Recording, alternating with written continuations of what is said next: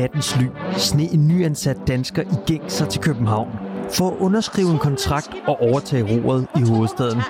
Selvom samtlige eksperter, inklusiv os selv, havde gættet i øst og vest, formod Kvist, Bo og Ko igen at tage røven på os alle sammen.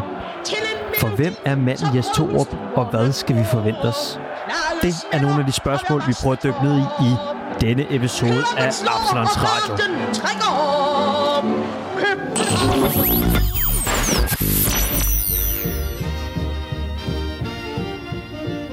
Hej og velkommen til Absalons Radio. Vi sidder på øh, Øster Allé. Vi har rykket øh, studie. Det er korrekt. Vi burde jo sidde og kigge ud over parken. Ja. Men det gør vi jo sådan set også, men vi sidder med ryggen til, kan man sige. vi sidder med ryggen Vores til. gæster kigger ud over parken. Ivan og Kasper. Velkommen til jer. Øh, men ja, skal vi lige forvente det her lokale først og fremmest? Det er jo et samarbejde, vi har indgået med FC København, mm-hmm. øh, sammen med Copenhagen Sundays mm-hmm. og Københavns Fanradio, mm-hmm. hvor vi har fået stillet det her lokale til rådighed, øh, som er dels et lokale og en skybox, og det, øh, det er jo selvfølgelig super fedt at få nogle, ordentlige, øh, få nogle ordentlige faciliteter, og så er det selvfølgelig også en håndtrækning fra klubben, og en eller anden form for værtsætning af det, vi laver. Så det er jo, det er skønt. Helt sikkert. Og så har der været en lille smule, øh, hvad skal vi kalde det, debat, kritiske rygter, ryster på de... Ja, fordi kan man være kritisk, når man sidder øh, herinde i parken og skal tale om FC København og, og bestyrelsen, der måske er med til at, øh, at give os en husleje øh, og give os et sted at være? Altså, jeg vil sige, den letteste måde at bevise det på, er jo bare at fortsætte det, vi har gjort hele tiden, og så kan lytterne vurdere det om et halvt år eller noget af den stil. Ikke? Lige præcis. Men altså, vi kan da godt lige ganske kort få det dementeret fuldstændig, at, øh, at det vil jeg gøre ved at referere til Lars Bo, som øh, til det allerførste møde, vi havde inde omkring det her, der var det aller, aller første, han sagde, det var, at øh, I skal selvfølgelig bare blive ved, fuldstændig som I har gjort, og blive ved med at være kritisk over for, for os i bestyrelsen og så videre. Mm. Der er ikke noget overhovedet. Det er ikke et hold kæft bolsje, det er slet ikke noget. Det er bare en, en værdsættelse af det, vi laver. Og, øh, Og, og, og grunden til, at de gerne vil have os ind og, sæ- og sætter pris på, pris på vores arbejde, det er jo også, at de lever og, og have os som kunder, og nu mere medieopmærksomhed, man kan få omkring sin klub, desto bedre. Dårlig omtale er bedre end ingen omtale. Jeg tænker, det er sådan noget, tror du ikke? jo, det, er jo, det, det giver meget god mening. Lige et par ord på den anden side. Har I, har I nogle indvendinger? Altså, øh, nu kan jeg jo kun tale for mig selv, og jeg er jo inviteret som, som gæst, Ja. øh, og øh, jeg kommer sådan set ikke til at lave om på nogle af mine holdninger, hverken de positive eller de negative, for min del i hvert fald. Nej. Ja, og det samme gælder her. Jeg er vel også lidt en, en ven af huset, der kommer forbi en gang imellem, og jeg kommer i hvert fald ikke til at ændre min, øh, min ære til ret kritiske røst på, hvad der sker herinde. Hvad nu, hvis uh, I får den der løve? Well. Skide godt. Men er det, er, det ikke, er det ikke bare det, og så ser vi selvfølgelig sammen frem til samarbejdet med, med Copenhagen Sundays og, og Fanradioen. Der kan til at komme noget, noget spændende ud af det. ja, vi sidder jo allerede faktisk og bruger Fanradions øh, podcast-maskine her, øh, som, som hjælper os på vej. Samarbejdet kører på fuld skrue allerede. Det er fantastisk. Ja. Dagens program, den går selvfølgelig primært på Jes Torup. Uh, inden vi når dertil, så skal vi lige, uh, vi vender ganske kort i Lyngby-kampen. Vi tænker, det er måske ikke det, der er allermest relevant lige i disse dage, uh, at snakke om en kamp, der blev spillet, inden vi fik en ny uh, træner. Men vi vender den lige kort som det første, så går vi til Jes Torup, snakker en ugens masse Jes Torup, og så ser vi selvfølgelig til sidst frem mod uh, kampen på søndag mod, uh, mod Midtjylland. Mm. Skal vi kaste os ud i det og, uh, og for- forvente den Lyngby-kamp der? Ja, det synes jeg. 4-2. Det er vel... Øh, det ser jo godt ud på papiret. Hvordan, øh, hvordan, hvordan så I starten på kampen? Det positive at tage for Lyngby-kampen, det er tre point. Øh, nogle af de rigtige fik scoret mål, Vind og, og Vilcek. Og så er der så ikke forfærdeligt mange flere ting positivt at sige om det. øh, det var det var horribelt, at vi øh, ikke stille og roligt kan spille den kamp hjem. Øh, vi fører 2-0 mod et hold, der er pivringe, som så spiller en god kamp ud fra deres forudsætninger i søndags. Men vi må aldrig komme i, øh, i problemer der igen. Aldrig. Det er vel Superligans ringeste hold, vi mødte i søndag, er det ikke? Jo, til dels sammen med AC Horsens. Mm. Altså, jeg, jeg synes da også, at vi får scoret på flotte mål. Der var også et par, par kluntemål, men altså, de, de, det, det, der ikke var et selvmål, og det, der ikke blev scoret med, med Jonas Vinds, eller hvad, hvad kalder vi det? Københavns største røv, er det ikke det? Den, den er Jo, blevet lige døbt? præcis. Øh, de andre to mål er jo rigtig flotte. Altså et, et første frisparksmål, øh, eller hvad, et, et, et, et, et mål efter en dødbold for et, et fremragende indlæg fra Victor Fischer, mm. som lægger den lige ind i panden på, på Jonas Vind, som egentlig bare skal, skal pande, pande til den og få sat godt med fart på, som han gør. Han er godt nok meget, han er meget blank derinde. Ikke? Der er ikke den store opdækning i gang på, i Lyngbys forsvar i den situation. Ej, de holdt også en meters corona-afstand. Ja, det gør det. Det sætter vi pris på. Men det er jo også det, de har gjort gennem hele sæsonen. Det er stort set den måde, de har lukket alle deres mål ind på Lyngby. Det er simpelthen ved, på dødbold. Og så et andet mål, det er jo også fremragende. Der ser vi noget af det, som Sanka vil også have købt ind til, at, øh, at kunne, kunne skabe noget frem af banen. Ah, hopper du så ikke over et mål? Jo, men jeg, går, jeg gider ikke kommentere på de der fjollemål der. Nå, det der Jeg snakker bare de to Ja, flotte ja, mål ja, der. øhm, og det, det, er jo, det er jo et flot mål, det der. Altså, den bliver, den bliver Københavns, øh, hvad hedder det, FC Københavns .dk, fck.dk mm. kalder det, hvad, fodboldens ABC, eller sådan et eller andet, ikke? En, en lektion i fodboldens ABC, og det, mm-hmm. øh, det er jo perfekt, det her. Det er et, et fremragende, øh, hvad hedder sådan noget, f- Michael Laudrup Sklop. Ja, okay, det, nu kommer Det- du virkelig Det var det, der blev forbi øh, hele den bagerste kæde. Og så øh, dybdeløb for Rasmus Falk, der får spillet videre til øh, Kamil Vilcek. Er det ikke noget nyt, at vi begynder at se Rasmus Falk være med i så mange afgørende situationer? Det har jeg spekuleret lidt over. Han scorede et mål, eller han lavede en assist her, og han scorede et mål mod, hvad der Aalborg. Øhm, og jeg har lagt mærke til, eller jeg har lagt mærke til, jeg var inde og kigge lidt statistik, og kan se, at han har faktisk haft den sidste af, afgørende aflevering i forhold til skud på mål. Ikke mål, men skud på mål. Dem havde han tre af mod, øh, mod Lyngby, og, øh, og nogle stykker også mod Aalborg. Altså det, det der, jeg synes, vi har savnet lidt det her slutprodukt på Rasmus Falk. Han har ligget lidt for langt tilbage på banen, og været den, der du ved, sætter den tredje eller fjerde sidste fod på angrebene. Men det er som om, at han, han kommer mere med i feltet, og, bliver, og kommer mere med i de der afgørende situationer. Jeg er den eneste, der har bemærket det. Det er jeg. Ja, tydeligvis, der bliver Det står for på egen regning. Fair nok. Øhm, Men jeg vil nu også sige, at jeg synes også, det handler lidt om mental fokus, fordi det var sådan lidt det, jeg tænkte, da jeg så den Lyngby-kamp, eller i hvert fald starten af Lyngby-kampen, at øh, okay, en træner som Hjalte, jeg forventede, der ville komme en trodsreaktion i Aarhus. Det synes jeg var fuldstændig som ventet, at vi lavede en, en god præstation der, og også fik tre point med hjem. Og så synes jeg, det er typisk sådan en, en, en, en en midlertidig træner, han ikke rigtig har det her toptræner, hvor han ligesom også formår at sætte dem op mod Lyngby. For jeg synes, jeg synes at meget af det var mentalt. Det synes jeg især i starten af kampen var det helt tydeligt. Og så bliver det lidt, når Lyngby er et, et trods alt så relativt ringe hold, som de er, og FCK måske ikke helt er der mentalt, jamen så er det typisk, det bliver en kamp med, med mange mål. Så jeg synes egentlig, at det var et, et aftryk, hvor man ligesom godt kunne mærke, at okay, nu har Hjalte overtrædet den spillergruppe, han har fået dem til at lave den trodsreaktion i, i Aarhus. Nu er det ved at være tid til en ny træner, og så kan han trække sig ud med, med to, med et par sejre. Ikke? Og det er, jo, det, er jo, det er jo helt fint.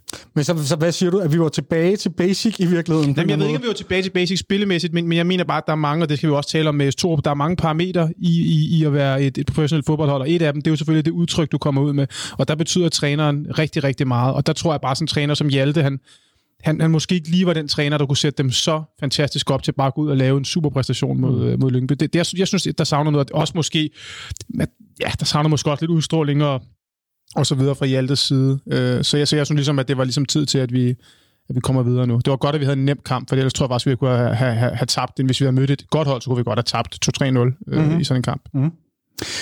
Det tror jeg, du har fuldstændig ret i omkring det med det mentale, men jeg bider også mærke i, at vi efterhånden øh, igennem lidt længere tid nu er blevet et hold, som når vi skal skabe kampene, så har vi det noget sværere mod de lidt mindre modstandere. Vi er, nogen kalder os læst, men vores visioner i det offensive spil, de er ikke mange, de står ikke i kø, vi har ikke en plan B og en plan Å og så videre. Øh, nu kommer vi til at tale om det senere, men jeg synes virkelig, der mangler nogle visioner med bolden. Og det er det, vi også ser mod sådan et Lyngby-hold, der pakker sig og egentlig er fint tilfredse med stillstand. Mm. Ja, jamen, jeg er helt enig, Kasper. Det, jeg synes simpelthen, kampen var et udtryk for, hvor vi står hen som klub, og, og den leder os jo helt sikkert frem til, hvad der skal ske de næste par uger, fordi det er lige præcis der, der rent fagligt skal, skal sættes ind. Jeg synes personligt, at dem, der spillede allerbedst, det var Bøjlesen og Jonas Vind. Og dem, der spillede aller dårligst, det var Carlos Sega og Victor Nielsen.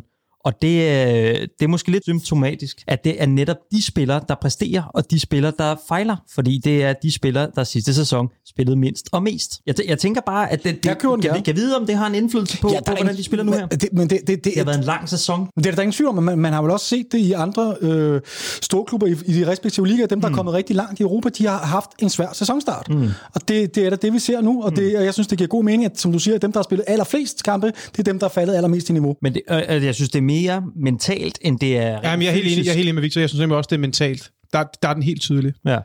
Men hvis jeg så lige skal bakke David op her, øh, så, så vil jeg sige, at når vi så kigger ud i Europa, så er der en, en del af de hold, der er nået rigtig langt øh, i Europakoppen, øh, lige inden sommerferien, eller over sommerferien, endte det jo med at blive, som på en eller anden måde er kommet en lille smule, øh, ikke skævt fra start, men har, har været lidt mere vaklende. Mm. Øh, både Paris og, og, og Sevilla og Shakhtar og, og så videre, nogle af dem, der kom lidt langt. Bayern München, United. Præcis, der har været lidt mere øh, udfald, mm. som der ikke ville pleje at være. Mm. Så ja, men jeg er også helt enig med dig, Victor. Der er ingen tvivl om, at de to spillere, de øh, strålede, men ikke for det gode. Det er pænt sagt, det der, Kasper.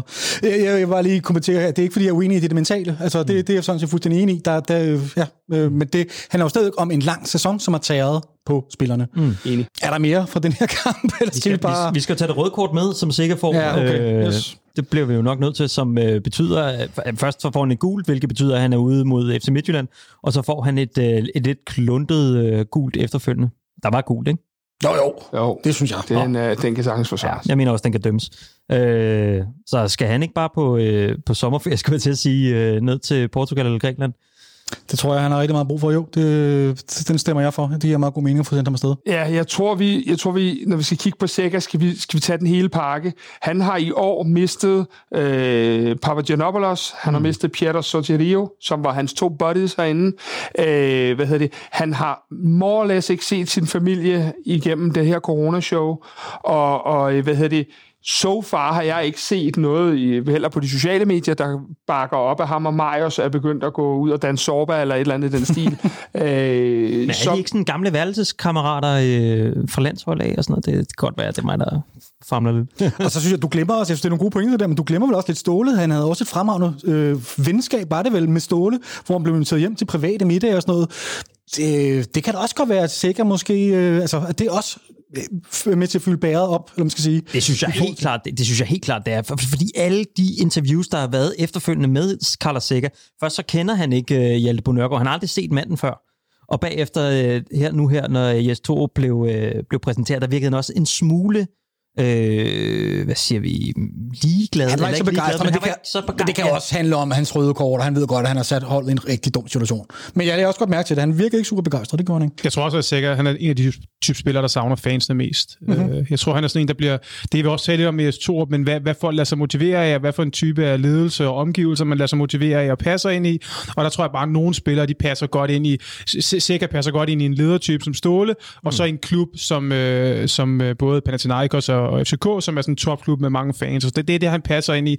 Jeg ved ikke, om han passer så meget ind i sådan noget øh, sommerbold med, med Hjalte Nørgaard, som det jo nærmest havde en, en karakter af. Så, så jeg tror, der ligger lidt der, men vi skal selvfølgelig også passe på, at ikke overanalysere, fordi han lavede fuldstændig det samme mod Lugano på udebane, ikke? hvor lige for, vi skal møde Malmø, der må han det eneste, der ikke måske i den kamp, det er sikkert for karantæne, for han skal bare være med, så vi kan slå Malmø hjemme. Ikke? Mm. Og så siger det måske også lidt om, hvordan han tænker fodbold. Det, det får han ikke lige tænkt over, så, så dummer han sig ned Lugano, og så er han ikke med mod Malmø. Og det er præcis det samme, alle taler om, hvad skal der ske mod Lyngby? Vi skal have tre point og ikke nogen karantæne til sikker. Og hvad sker der? Ja, ikke? Jeg synes, det er meget påfaldende, så ofte han er ude mod topholdene. Du hørte jeg en anden, der har lavet noget statistik på det, eller sidder, sidder og kigger lidt på, på, på de gamle kampprogrammer, og det var jo tre, fire gange, tror jeg, han er ude mod Midtjylland på et par år. Det er jo helt vildt, at han lige rammer karantænen mod dem.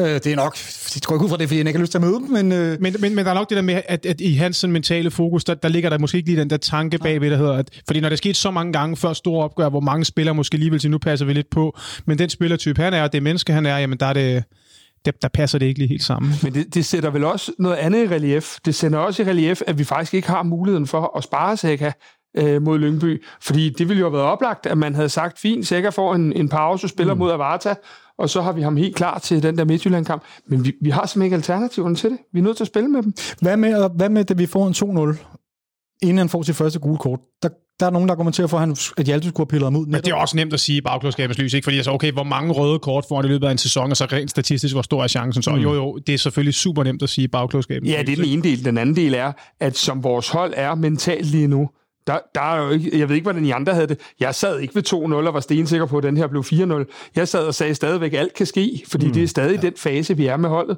Så tager du ikke krumtappen og anfører den ud. Slet ikke, når der ikke sidder en Jens Dage eller en andet på bænken. Men har, men har I andre ikke også haft den tanke med Seca, da Sanka kom, at åh, det er altså også godt for Seca, at han ikke hele tiden skal have hele det her liggende på sine skuldre. Mm. Nu får han en, en person som Sanka, som simpelthen går ind og, hvad skal vi kalde det for, agerer og anfører lige fra start. Mm. Der tænkte jeg bare, åh, det er super godt for Seca, fordi så ligesom så kan han balancere sig selv ind på en anden måde. Jeg tror også, han får en lidt anden måde, lidt anden rolle under, under Jes Torup, men det kan men, vi tage lidt senere. Men det er jo også i spillet, at du har en så central person inden, som du kan spille bolden tilbage ved, som kan holde på bolden. Er der, så, så, så vi er alle sammen, der er konsensus omkring, at det her røde kort, de to gule kort, øh, det er udelukkende Sækkers egen skyld. Det, det er ikke Hjalte, Altså, der... jeg synes jo, de var sådan en lille smule hårdt dømt, hvilket mm. Sikker var enig i, men jeg vil så stadig give Victor ret i, at de kunne dømmes. Og så, når de kan dømme, så synes jeg ikke, man kan lige kan sidde og brokse. Altså. Jamen, skal vi ikke lægge øh, kampen med... øh, Jeg fandt et citat fra Sanga på Instagram, som øh, siger, en grim sejr giver også tre point. Inden vi tager hul på den helt store Jes Torup-snak, så skal vi lige et smut ud til tieren, fordi jeg ved, at David har været ude og tale med en øh, række spillere og øh, vores nye træner. Men øh, her først skal I øh, tage godt imod øh, Nikolaj Bøjlesen. Du, du, du, du. Jamen, øh, først og fremmest, øh, første træning under Storup. Hvordan, øh, hvad er førstegangsindtrykket? Nå, men, nu er det jo dagen før, før vi har kamp, så, så det er begrænset, hvor meget vi, vi kan lave i dag, og det er også øh, anden dagen efter, efter i søndags, men uh, jeg synes at han, øh, han tog tæten fra start af, og det er jo også sådan, det skal være, når, når, når man har en cheftræner, så øh, det er dejligt, dejligt at, at komme i gang under ham, og jeg glæder mig til at både se, øh, se, se de små øh, taktiske ting øh, allerede fra i morgen af, og så selvfølgelig resten af ugen frem mod, øh, frem mod søndag. Kan man allerede nu se, hvad der vil, hvad hans visioner omkring det spillemæssige udtryk?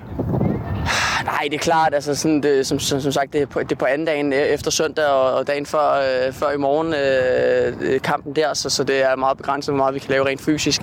Men, men øh, han, han har da allerede talsat, at, at det er den offensive del.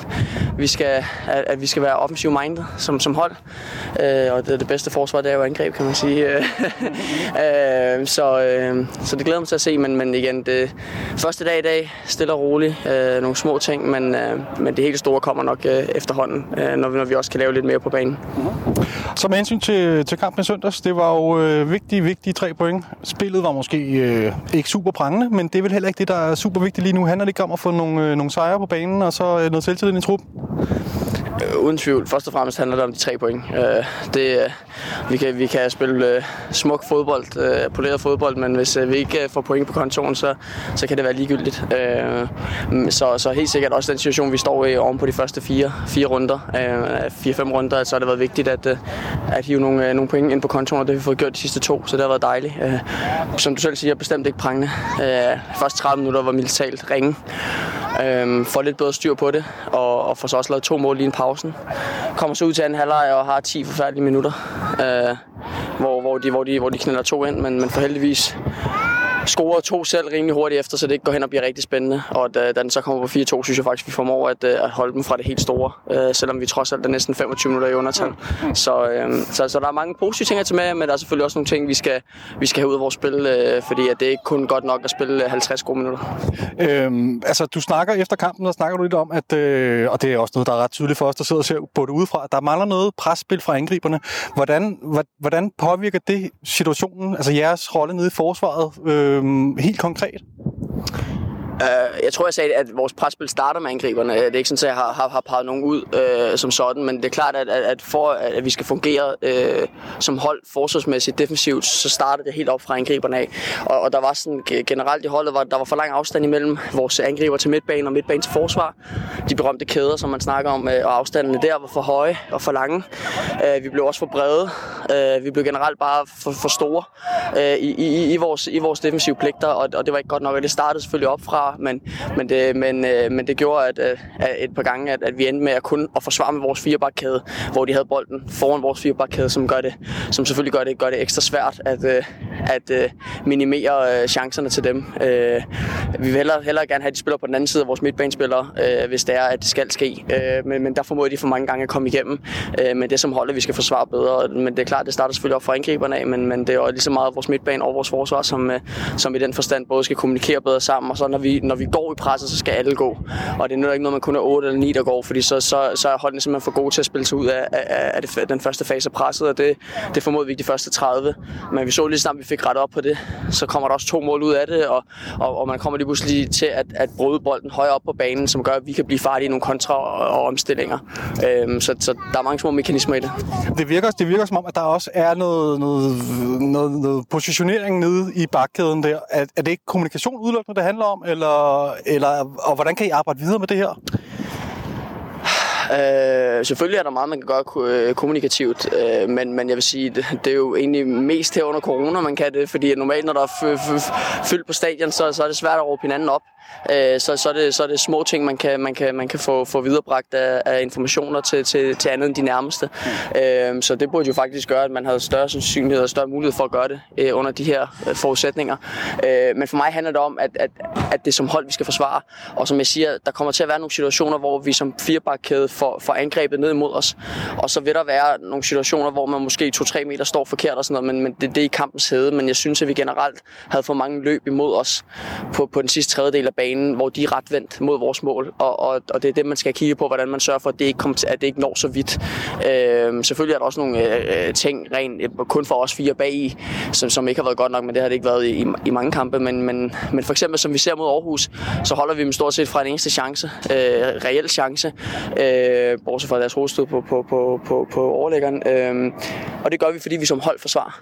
Alle, alle, alle 11 mand med målmanden også, som, som kommunikerer godt, øh, der forsvarer som hold og gør det i en enhed og rykker sig på de rigtige tidspunkter som hold. Og det er det, der skal til, fordi at, at ellers så vil du få chancer imod dig, hvis du ikke forsvarer øh, med alle mand, som jeg sagde før, så kun er 8 eller 9, der gør det, øh, og ikke, ikke som en enhed på samme tid. Øh, så så, så der, der, der er ikke et enkelt svar på det, øh, men, men jeg synes, at Aarhus-kampen var, øh, var og skal være facitlisten i forhold til det. Mm. Sidste spørgsmål. Øh, på søndag går turen til Herning. Øh, ganske simpelt spørgsmål. Jeg ved ikke, om svaret er så simpelt, men hvad er nøglen til succes? Øh, nøglen til succes er, at øh, der, der, der er mange, synes jeg. Øh, der er jo altid kampen i kampen. Hvem kan få deres gameplan øh, i spil på bedst mulig vis? Hvem kan få, få, få kampen til over på, på sine egne præmisser? Men for os, så synes jeg, at, at hvis man, hvis man kan, kan, som jeg siger, facitlisten er Aarhus i forhold til intensitet, i forhold til øh, mentalitet og, og taktisk snille. Øh, og der mener jeg ikke kun, at man, at man går op i øh, dueller og glidende taklinger og sådan noget. Der mener jeg også, at man er klog i forhold til position positioneringen netop, og, og at når man går, så går man som hold, og når man ikke gør, så tokker man ind og, og, og gør, banen, øh, gør banen smal. Øhm, og, og det var det, vi formåede så, så godt mod, mod AGF. Øhm, og så er det, at når vi har bolden, være cool på bolden, øhm, og, og, og vælge de rigtige løsninger på de rigtige tidspunkter. Øh, forvent spillet fra side til side og komme igennem øh, over i begge sider af banen, og så når man har fået gjort det, så også komme igennem ind over midten selvfølgelig. Øh, så så, så det, er jo, det er jo en blanding af mange ting, men, men i sidste ende, så han, det kommer til i sådan nogle kampe, kommer til at være detaljer. Det kommer til at være detaljer hvem, hvem, får, hvem får sparket den første ind, hvem får som sagt øh, de her små famøse 2-3-4 procent over på sin side. Øh, hvem har det mentale øh, overtag? Øh, Midtjylland er jo i gang, altså har jo gjort det fantastisk i Europa øh, og er kommet i Champions League fuldt fortjent osv., men, men, men man kan også se, at, at det er også et stykke tid siden, at de har spillet tre kampe om ugen. Øh, og, og det synes jeg godt, at man har kunne se i, i nogle af deres Superliga-kampe. Øh, jeg ved godt, at det ikke er det samme, når de møder os. Det plejer, det er det som regel ikke, når vi spiller i Superligaen, så er alle sammen altid lige øh, 5-10 procent øh, mere motiveret, hvis man kan tælle sig, øh, hvis man kan få lov til at sige det. Men, men det, er jo, det er jo sådan, det er. Øh, men det er en topkamp, og, og, og, og som, som det er for, dem, for de fleste topkampe, så, så er det marginalerne. Øh, og vi skal sørge for, at vi har, vi har selvfølgelig også en kamp i, i, i morgen. Øh, forhåbentlig kan vi, kan vi spille os øh, godt ud af den, uden at, at man skal bruge for mange kræfter i forhold til, hvad de højst sandsynligt skal i dag. Øh, hvis min gamle klub gider at, at, at stille med et hold, der ikke er fyldt med corona, så, øh, ja, så vil det være dejligt. Øh, men men det, det, bliver selvfølgelig en hård kamp for dem, men jeg er ikke, jeg er ikke i tvivl om, de nok skal være klar til på søndag. Og, og det bliver en, en, en herrefight uanset hvad, og den skal vi matche. Øh, først og fremmest skal vi matche den fight, og så skal vi bagefter øh, være klogere på bolden øh, og stå bedre sammen som hold, end de gør. Så. Og øh, et enkelt point, vil det være til at vil være godt tilfreds med det, eller hvordan med situationen øh, i vente lige nu? Jeg har været så privilegeret at spille øh, kun på hold, der, der aldrig tænker på kun at skal have et point. Så øh, den men, slags mentalitet fungerer slet ikke for mig. Så øh, tre point er det eneste, jeg fokuserer på, fordi så er vi, har vi overhældet dem i tabellen og øh, har lukket hullet endnu mere til, til de øvrige. Så det er det eneste, jeg fokuserer på. Fantastisk, det er godt at høre. Tusind tak. God fornøjelse. God held og lykke. Jo, tak.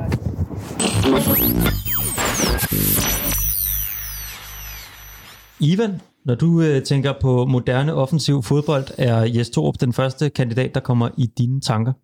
Det var det i hvert fald ikke, før vi ansatte ham. okay. Sådan vil jeg sige det. Fordi vi skal nemlig til Jes Torup. Øh, jeg prøver at kalde den to yes og not to yes. Jeg tror, vi skal finde et bedre arbejdsnavn til den. Det er godt, Victor. Lad os prøve at danne os en profil over, hvem Jes Torup er. Det synes jeg lyder som en god idé. Øh, altså ganske kort, bare lige for at få, få sådan helt de basale fakta på plads. Øh, Jes Torup, han er født i København, boede i København indtil han var syv, øh, så han har lige nået at, at, at træde sin spæde, fodbold, sin spæde fodboldungdom i B93. Og så ryger han så til, til OB, hvor han har sin første øh, egentlige kontrakt, ryger videre til Uerdingen i Tyskland, og til, videre til Wacker Tirol i Østrig.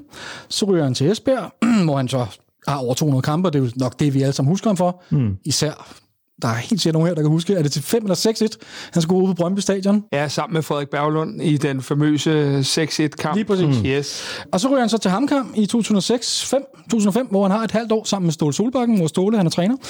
Ja, så tilbage til Esbjerg, hvor han lige får en enkelt kamp. Og så starter han så trænerkarrieren og starter med at være assistenttræner, ungdomstræner, Øh, nej, det passer ikke. Han er assistenttræner.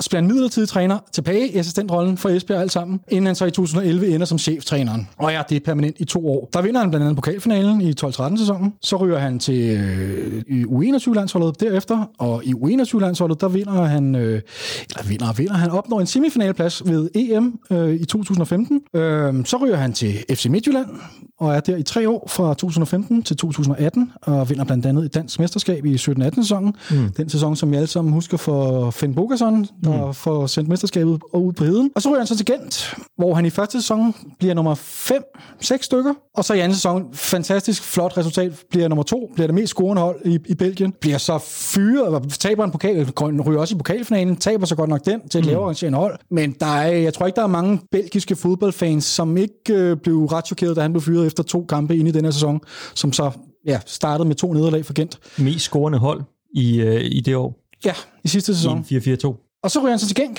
Det siger jo også lidt om, hvilket navn han har bygget op, at der kommer en endnu større klub, som Genk vil have på papiret. I hvert fald en, en, en af topklubberne i Belgien. Og, og har så en, som, som lige er blevet fyret. Mm. Det siger der noget om, at han har fået bygget et navn og et, et, et, en eller anden form for ja, et, et, hvad sådan, et ry op. Og så blev han så præsenteret som cheftræner herinde i, øh, for et par dage siden. Så det var bare lige sådan ganske kort, øh, lige for at få, øh, få profilen af Jes Torup tegnet op. Hvad, øh, Kasper, da du, øh, da, hvad, hvad var det allerførste, du tænkte, da du hørte det her, at Jes Torup blev præsenteret som cheftræner inde i FC København? Altså, det starter vel søndag middag, hvor BT breaker øh, at øh, ret overbevisende, at han er på vej herind, og man godt ved, at på måden, de skriver, så holder den helt vand.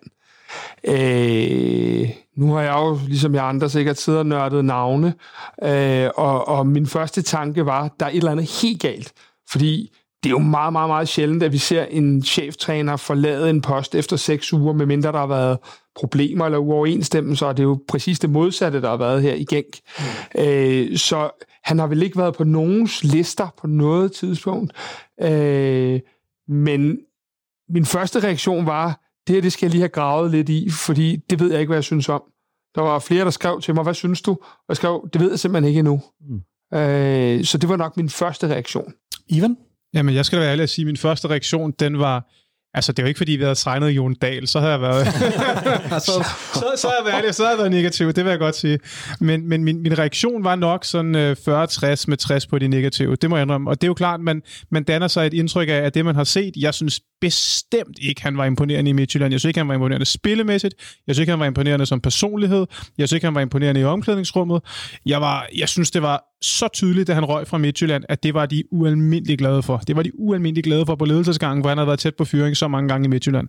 Så, så for mig, men, men så tænkte jeg sådan alligevel, altså der må være et eller andet, de, som Kasper også siger, altså der må simpelthen være en eller anden grund til, at de hyrer Jes Torup. Altså, de er jo ikke, så kan man være enig eller uenig strategisk, men de er jo ikke decideret irrationelle, så de må jo se nogle ting. Så jeg tror, ligesom så mange andre FCK-fans, så begyndte jeg jo også at grave information, og jeg begyndte at google og øh, kigge lidt mere på hans tid i Belgien, og så var der nogle ting, for mig var det simpelthen nogle ting, der slet ikke stemte overens. Fordi jeg husker meget tydeligt Jes Torup i Midtjylland, og han var i hvert fald meget kan man sige om, om han var ikke en sprudlende offensiv træner. Så går jeg ind og læser om ham i Genk, og så bliver der brugt ordene sprudlende offensiv træner. og så begyndte jeg så at tænke, okay, det her er jo mærkeligt, fordi nogle gange udvikler folk som, det her er jo helt modsat. Og så kunne jeg jo godt begynde at gå ind og læse nogle ting om, at, øh, at ja, men han var god til at tilpasse nogle forskellige ting, og han var meget sådan, og han, han var selv inde på, hvor utrolig meget han havde lært og sådan noget. Så ligesom, den, den er ved at vokse lidt på mig, øh, ved at sige, den her Jes uden at jeg er helt deroppe, hvor jeg tænker, at vi har, vi har ansat ny Jürgen Klopp. Det, det er jeg ikke så sikker på, for jeg synes stadig, han har nogle klare mangler, som jeg ikke tror bliver som jeg ikke tror, han kommer til at være, være i stand til at kunne, øh, kunne udfylde. Men, men der kan så være andre roller i organisationen, der kan tage dem. Så, så jeg synes, det er et valg med mulighed for succes, men det er altså også et valg, som har nogle, øh, nogle potentielt ret store risici. Det må jeg sige. Og hvad er det for nogle risici? Jamen, de risici, det er jo sådan... Jeg kigger jo selvfølgelig igen, også kvæg, hvad jeg laver til hverdag, øh, hvor jeg arbejder med ledelsesting. Jamen, så kigger jeg ud på det fra et meget ledelsesmæssigt perspektiv. Og så siger jeg, at de aller, aller, aller dygtigste ledere, man har i dag, helt sikkert, det er sådan nogle adaptive ledere. Altså ledere, der både formår at være øh, Ståle Solbakken hårde, og som formår at være Jes Thor bløde. I fodboldverdenen, der kan man pege på sådan en som Jürgen Klopp, som meget, meget tydeligt har begge de her sider i sig. Han er blød og venlig mand, men det er også meget tydeligt, at han har den der autoritet og den der respekt, og spillerne, der ser op til ham. Mm. Hvor man kan sige, at Jes Torup, han er, han er mere en, han er klart en blød leder, som taler meget med folk og har dem inde og sådan noget. Og, og når man ser på det ledelsesmæssigt, og man ser på organisationer, og hvor tilfredse folk er med de her ledere, så er der altså nogle personer, der passer rigtig godt til, og så er der nogen, der vil sige, oh my god, det er den værste leder, jeg nogensinde har haft lidt apropos, hvad man hører på, på vandrørene øh, forskellige steder. Ikke? Så, så, så det er det, jeg sådan er lidt bange for at sige, jamen altså, og nogle gange i sådan store organisationer, hvor der er meget pres, og hvor vinden blæser, der er der nogle gange brug for de her Ståle Solbakken-typer, som er sådan begavet, og som ikke rokker en centimeter, uanset hvad, som simpelthen bare står fast. Mm. Det er der nogle gange brug for, når det virkelig blæser i sådan en organisation. Og jeg tænkte jo straks, okay, når vi står der efter at have tabt tre kampe, og Brøndby har kørt os over på en heldig dag, er han virkelig manden, der står der? Og det kan han jo godt udvikle sig til, men jeg ser bare nogle faremomenter, både over for visse spillertyper, som, hvor jeg bare ved ledelsesmæssigt, at den stil ikke passer dem. Og det kunne være et spiller som Sanka og så videre, som heller ikke så super positiv ud, og sådan store ego og sådan noget. Der er det ikke altid en blød ledelsesstil passer. Nogle gange så, så har de simpelthen ikke respekt for det. Men hvem passer en blød ledelsesstil så til? Jamen, er det så unge spillere? Ja, altså, jeg, jeg, jeg, synes egentlig, jeg synes egentlig, man kan tage som eksempel det, som jeg så som nogle af de her ting, så hvor, jeg, hvor, hvor jeg begyndte at tænke lidt negativt om Ståle Solbakken. Det var det der med, hvor han stod, du ved, han stod og skreg og råbte, for det kunne man jo mm. ret tydeligt høre, når corona, ikke? Han stod og skreg og råbte af alle spillerne, og så tænkte jeg sådan ud fra et ledelsesmæssigt perspektiv, Ståle, det der, det dur altså ikke. Altså, du er en dygtig fyr og sådan noget, men det, altså, det er ikke sikkert, at Rami, som er øh, super ung, han har vildt meget brug for en, der bare står og skriger ind i hovedet på ham hele tiden. Det er altså ikke alle folk, der har behov for det. Og derfor så tror jeg, at, den er, at man virkelig vil se et skifte, hvor nogle af de her spillere, måske sikker, som vi lige talte om, som måske godt kunne have brug for en ståletype, som sådan, du ved, øh, har ham, der er nogle af dem, hvor det passer dårligere til, og nogle, hvor det passer bedre til. Og derfor så tror jeg altså også, at der er nogle spillere, kunne være Nikolaj Thomsen for eksempel, som, måske, mm. som også har været populær hos Jes, som måske endda får en ekstra chance i FCK, ja. fordi de passer så meget bedre. Og, og lad os, hvis vi nu tager det væk fra det akademiske, og så bare tænker på de arbejdspladser, vi har været i i løbet af vores liv, der har vi også godt kunne se, hvis vi tænker på de øh, ledere, vi har haft gennem tiden, at nogle af dem har vi kunne lide, og andre har ikke kunne lide, og vice versa. Og vi ved alle sammen godt inderst inde, hvad for en ledelsesstil, der, der får os til at performe bedst. Ikke? Mm. Og det er ikke altid det, man bedst kan lide, men det ved vi jo godt. Og, og sådan kan man også godt tænke på ledere i, i fodboldklubber. Ikke? Og det er der, jeg har nogle ting med Jes, øh, hvor jeg sådan er, er lidt bange, ikke? fordi på det fodboldfaglige virker han til at udvikle sig meget. Ikke? Men man bliver vel nødt til på en eller anden måde at kunne fagne begge typer spillere? Jamen, det, og det er jo det, det er derfor, man siger, at altså, det, de ledere, der står stærkest i dag, det er sådan de adaptive ledere som Jürgen Klopp. Og det er derfor, Ståle Solbakken på nogle områder, tiden var løbet lidt fra ham. Mm. Altså, fordi der har faktisk været en udvikling også inden for sådan noget ledelse, altså helt tilbage fra, du ved, helt gammel tid, så har ledelsen jo blevet mindre hierarkisk mm. og mindre der type. Og derfor kunne man godt sige, at begynder tiden så småt at løbe fra Ståle med den måde, han leder på, ikke? Og det, det, og så, men, men, men, men, men det betyder jo ikke, at man så skal gå i en helt anden grøft og have en fuldstændig blød leder, vel? Men kan man have sådan noget, altså nu tænker jeg bare sådan noget, øh, en assistenttræner, som der også er blevet talt meget om, der er blandt andet talt om, om Næstrup, øh, han er blevet rygtet til, øh, som assistenttræner. Altså, kan man have sådan en good cop, bad cop øh, Jamen, det kan man helt i, i trænerteam? Og det ser man også i store, når man kommer ud og arbejder for meget store organisationer, hvor de, hvor de har nogle topledere, som faktisk har relativt lidt kontakt med organisationen, fordi de er på så højt niveau okay. og laver så mange ting. Og der har man simpelthen uddelegeret til nogle folk, der har mere personalansvar, eller har med folk at gøre. Mm. Og der er der tit de der dynamikker, hvor man er nødt til at sige, at hvis du ikke har det, så har jeg det, og så får man skabt de her ting. Og det er også derfor mit take, hvor jeg ved, at, at, at Mark Kasper er meget enig, det er, at når med, med en træner som Jes Torup, der har man i endnu højere grad brug for organisationen rundt om. Altså, når du har en træner, som er meget, meget stærk, så, så, så ligesom så har du ikke sådan brug for at supplere ham på helt samme måde, men når du har en træner, som har nogle åbenlyse svagheder eller åbenlyse punkter, hvor han mm. kunne blive bedre, så mener jeg, at de her folk rundt om ham bliver, bliver vigtigere. Hvad siger du, Kasper? Det, det, det er meget øh, enig i hen ad vejen. Jeg har dog også nogle andre nuancer på, øh, forstået på den måde, at jeg tænker, når du har haft en trup, der, det kan vi godt blive enige om hurtigt, igennem et år cirka, ikke har, har virket til at have den nødvendige energi osv. Jeg tror, mm. det kan være sindssygt vigtigt, at der kommer den mere bløde, lidt mere moderne øh, stil ind, der, der inddrager, og som, øh, som øh, hvad jeg hører, også sagtens skal give en skideballe stadigvæk. Øh, det, som jeg tror, der er det vigtige i forhold til det, Ivan siger, det er, Jes Torup, han er træner med stort T. Jes Torup, han skal ud i sin sorte Copa Mundial mm. og være ude på tieren og rykker spillemæssigt. Mm. Ja. Han skal selvfølgelig også i onsite-studiet og så videre, så videre, men det er der, han har sin force, det er det, han skal. Så det er altafgørende for, at Torup bliver en succes det er, at vi får den der stærke sportschef, som har brede skuldre og som stiller sig ud i modvind og tager slagene. Ikke at Jes ikke kan det, men som har en form for power og pondus, der siger, den her, den tager jeg, som vi har set med Nils Christian Holmstrøm og, og andre herinde, mm. øh, med de brede skuldre, der har været ude at sige noget. Ja, men det, det er jeg enig i, og det, det man også skal huske på, det er, og det, det er det, der gør mig måske en lille bitte smule mere optimist, det er det her med at sige, man, man taler også nogle gange, når man taler om autoriteter, så siger man, hvor kommer de fra? Ikke? Nogle mennesker, de har en naturlig pondus og en naturlig autoritet og en naturlig karisma, men der er også folk, der får autoritet gennem faglige kompetencer. Altså hvis, hvis, hvis I er, nogle af jer har været på nogle arbejdspladser, eller som konsulent arbejdet for nogle arbejdspladser, hvor der er mange sådan nogle, som ingeniører ansat, og medicinalbranchen og andet, der er der, der, er der nogle folk, som, som, som ikke er specielt karismatiske. Mm. Altså, det er de jo ikke, vel? Altså IT-folk også nogle af dem, hvor de er sindssygt dygtige, men de, er jo ikke, de, de ejer jo ikke social kompetence, men de har alligevel en autoritet, mm. fordi de har en faglig autoritet. Og det er det, man skal huske på i en fodboldklub, at hvis, hvis Yes han har den faglige autoritet, hvis Yes han vinder fodboldkampe, jamen så er det jo fuldstændig ligegyldigt, fordi så, så er der jo ikke nogen, der går, der, så, så er der jo ikke nogen, der går til ham på en eller anden måde, fordi de, men, han, han, hvis han ligger nummer et i Superligaen, vi fører med 8 point ned til nummer 2, jamen så, så, så, så, så det er også derfor sådan, at jeg vil, jeg vil godt drage parallel, ikke fordi man skal drive Jes op på det niveau, men til sådan en som Pep Guardiola, Øh, Guardiola er også en ret interessant leder, fordi han kom frem i en tid, hvor der var mange af de her øh, sådan, autoritære ledere, men han var det jo slet ikke. Han blev kaldt for fodboldprofessoren i starten. Og han er jo en ret introvert type, hvis man ser på ham som menneske. Og der synes jeg mm. godt, man kan drage lidt paralleller til Jes Torup. Ikke at Jes Torup er på Guardiola-niveau, det, det påstår jeg ikke, men, men at der er alligevel lidt, lidt, lidt, lidt paralleller der. Og Jes Torup, eller undskyld, Guardiola, han gjorde simpelthen bare det, han vandt bare fodboldkampe. Men så er det godt, at han var introvert, og det er godt, at han ikke stod og, og skreg og råbte, og han sagde altid, at han gad ikke kæmpe med Mourinho i preslokalet, for han slog ham på banen alligevel, så han var fuldstændig ligeglad. Og det gjorde han jo også. Og den form for autoritet, det taler lidt til Jesses side, og det er det, jeg håber på. Så derfor tror jeg, at hvis han får succesen, så tror jeg godt, man kan ligesom afdække det på faglig autoritet. Men et spørgsmål herfra kunne også lyde på, er klubben simpelthen ved at skifte en lille smule profil? Forstået på den måde, at vi har fået en, øh, en øh, rar bestyrelsesformand med nogle øh, klare holdninger og værdier. Mm. Vi har øh, øh, en Lars Bo, der er øh, super sympatisk og, og veltalende af de der ting. Vi har en Jes Mortensen, vi har en Jakob Lausen, vi har forskellige.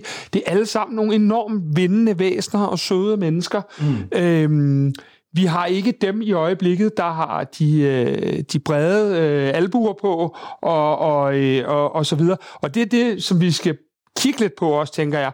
Er vi ved at blive for pæne? Mangler vi lidt på albuerne?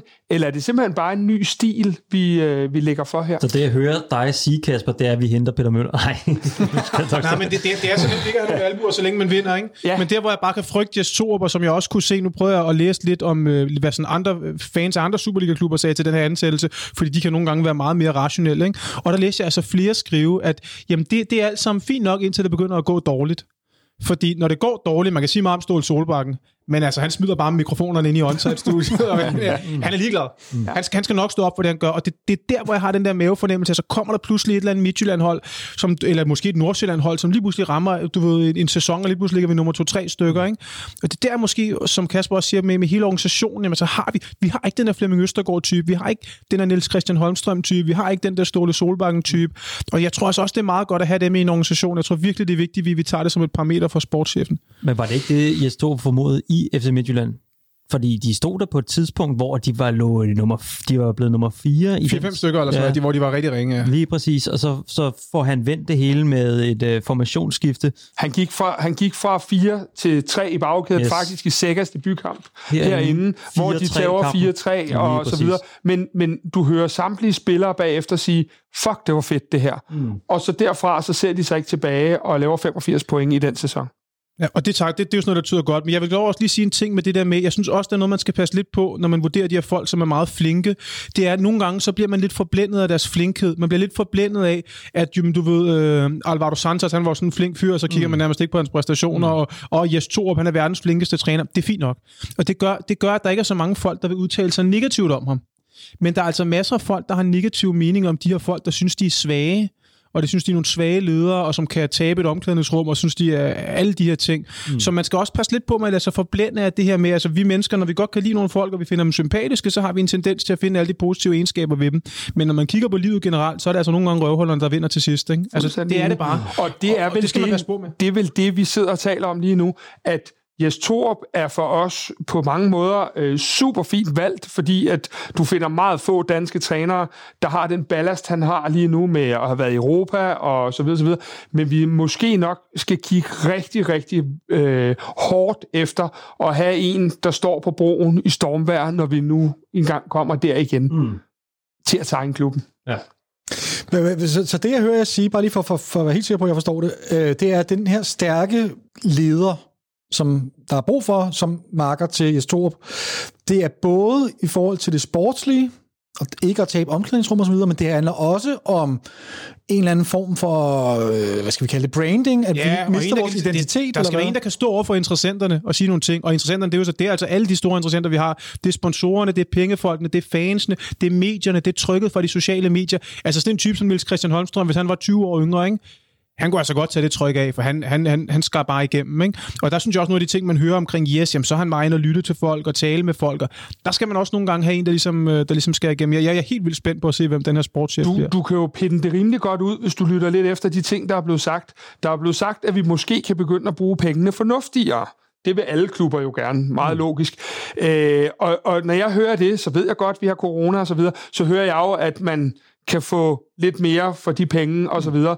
Øh, og der har jeg to ting til det. Det ene, det er, vi er simpelthen nødt til at have en sportsdirektør, der kan lede op af. Jeg har sagt det før, jeg siger det gerne igen. Vi er nødt til at have nogen, der fortæller, hvad det kræver at være en mellemstor klub på europæisk niveau. Mm.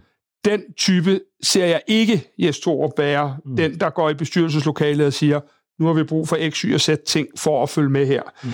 Og Ponke, Bo Rygaard og kompagni. Præcis. Var jeg den eneste, der blev mærke i, apropos, at Bo Rygaard snakkede til, på det her presmøde om, at vi har jo postet flere og flere penge i klubben, og vi har jo til en vis grænse, tror jeg, han siger, fulgt med udviklingen i i, i, de- i de øvrige ligaer, som vi, vi, og klubber, vi konkurrerer med og sammenligner os med, hvor jeg tænkte, ah, det- det- det er forkert. Ja, det vil jeg også som, som økonom vil jeg altså også have lov til at sige. Det er simpelthen ikke faktuelt korrekt. Og, du, og de her ting er altså ikke op til debat, fordi det er spillerbudgetter. Og det er altså noget, du kan gå ud meget af, det er offentligt tilgængeligt, eller hvis du læser nogle forskellige økonomiske rapporter. Og det er altså ikke rigtigt. Men er det så en mediestrategi, han, han, han går ud og siger det på den her måde, eller er det, fordi han er oprigtigt har følelsen af, at, at, at vi Det er lød jo, som om man havde følelsen, men Ja. det er jo ikke rigtigt. Nej.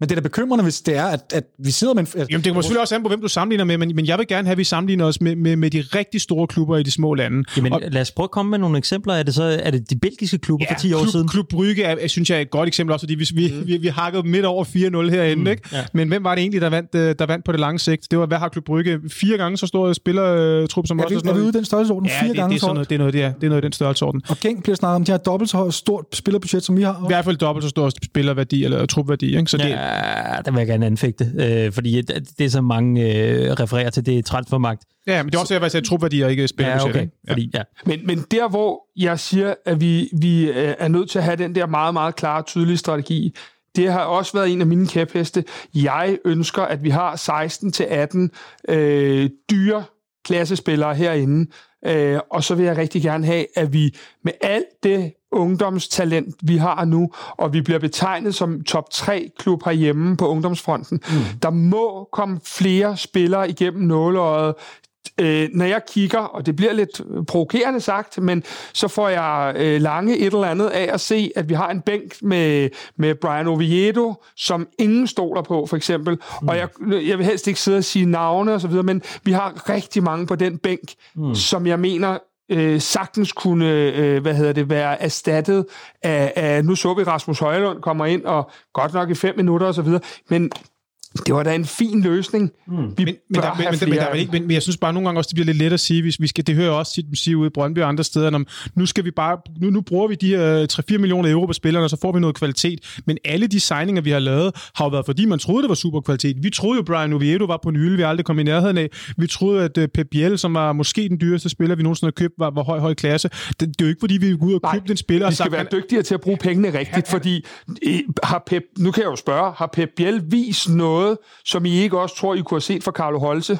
Nej, men jeg mener bare det retoriske altså, i det. Altså, der er, jo ikke, ja. der er jo ikke en eneste klub i Europa, der vil gå ud og sige, nu henter vi en mellemvarespiller. Altså, vi, vi køber jo alle de her spillere, fordi vi tror, de er topspillere. Altså, så, så, så det bliver sådan lidt, det er bare sådan nogle ting, der retorisk lyder meget nemt. Men når man så kommer ud på den anden side, og så siger, har den her klub sagt det? Ja, de har de. Så lad os vurdere de her 20 transfers, de har lavet. Så er der syv gode, syv mellem og syv dårlige. Altså, det, det, det, det er bare ikke så nemt, som det lige lyder at sige, nu vil vi købe klassespillere. Det, det er jo fuldstændig enig med dig i, men når du ser en, en Brian Oviedo, som, som dybest set i, i, i, har haft brækket alt på begge ben og har spillet League One for Sunderland osv., osv.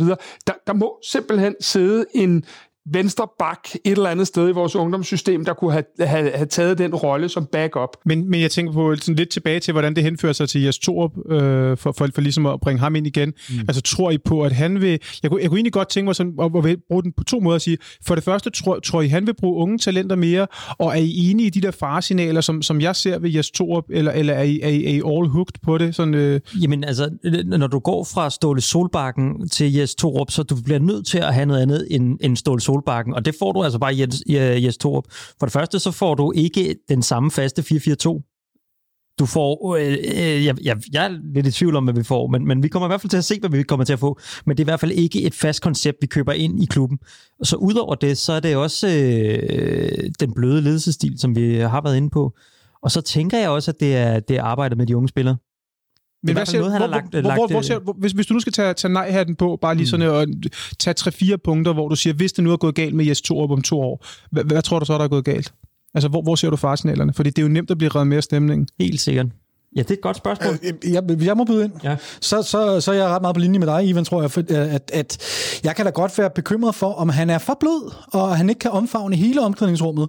Øh, men det handler, som vi også har været inde på, det handler om, hvem han også får ind som marker, hvad, assistent. Hvad, hvad øh, er for, for blød? Altså, hvad, hvad, hvad? Ja, men for helt konkret, jeg, jeg lægger jo rigtig meget mærke til, i den her, jeg startede som dig, Ivan, med at være rimelig overvejende negativ, da jeg hørte, at vi havde signet Jes Torup, og så har den vokset rigtig meget på mig, og, og i dag, her, hvad, 4-5 dage senere, der, der sidder jeg faktisk med en fornemmelse af, at, at det er noget nær en optimal løsning, vi, vi endte op med. Øhm, og en af grundene til, at jeg har ændret holdning så meget, det er ved, at jeg har lyttet rigtig meget til de spillere, han har haft under sin kappe. Og, og og der er jo, der kan jeg både tage ja-hatten og nej-hatten på, fordi det er lidt mixet, det vi hører. Øhm, hvis, hvis vi skal tage nej-hatten på, jamen så var Francis Dico i øh, Mediano her forleden, hvor han snakker om, at øh, han, han var spiller i Midtjylland under Jes Torup, og, øh, og, for, og det, der sker et, et skift for Glenn Riddersholm, som har en meget kontant ledelsestil, men en, en, og en helt klar idé om, hvor han vil hen på banen, og taktisk, og spillerne ved præcis, hvad de skal gøre i alle situationer. Og lige pludselig kommer der Jes Torup ind, øh, og Diego bruger ordet og laver en anden form for kaffeklub, og spørger meget sådan, hvad synes I? Og han mm. stiller hele tiden spørgsmål til spillerne, hvad synes I, vi skal gøre i den her situation? Og Diego siger jo helt konkret, at, at han kunne slet ikke, altså han havde ekstremt svært ved at indfinde sig øh, under det her, fordi han havde været vant til, og det var der også flere andre spillere, der havde været vant til at få at vide sådan og sådan og sådan. Og, og der kan jeg se, og især vi kommer jo også fra en træner, som om nogen er meget sikker i mm. sin sag og meget stålfast, og, og der er ingen spillere, der har været i tvivl om, hvad de skulle gøre under Ståle.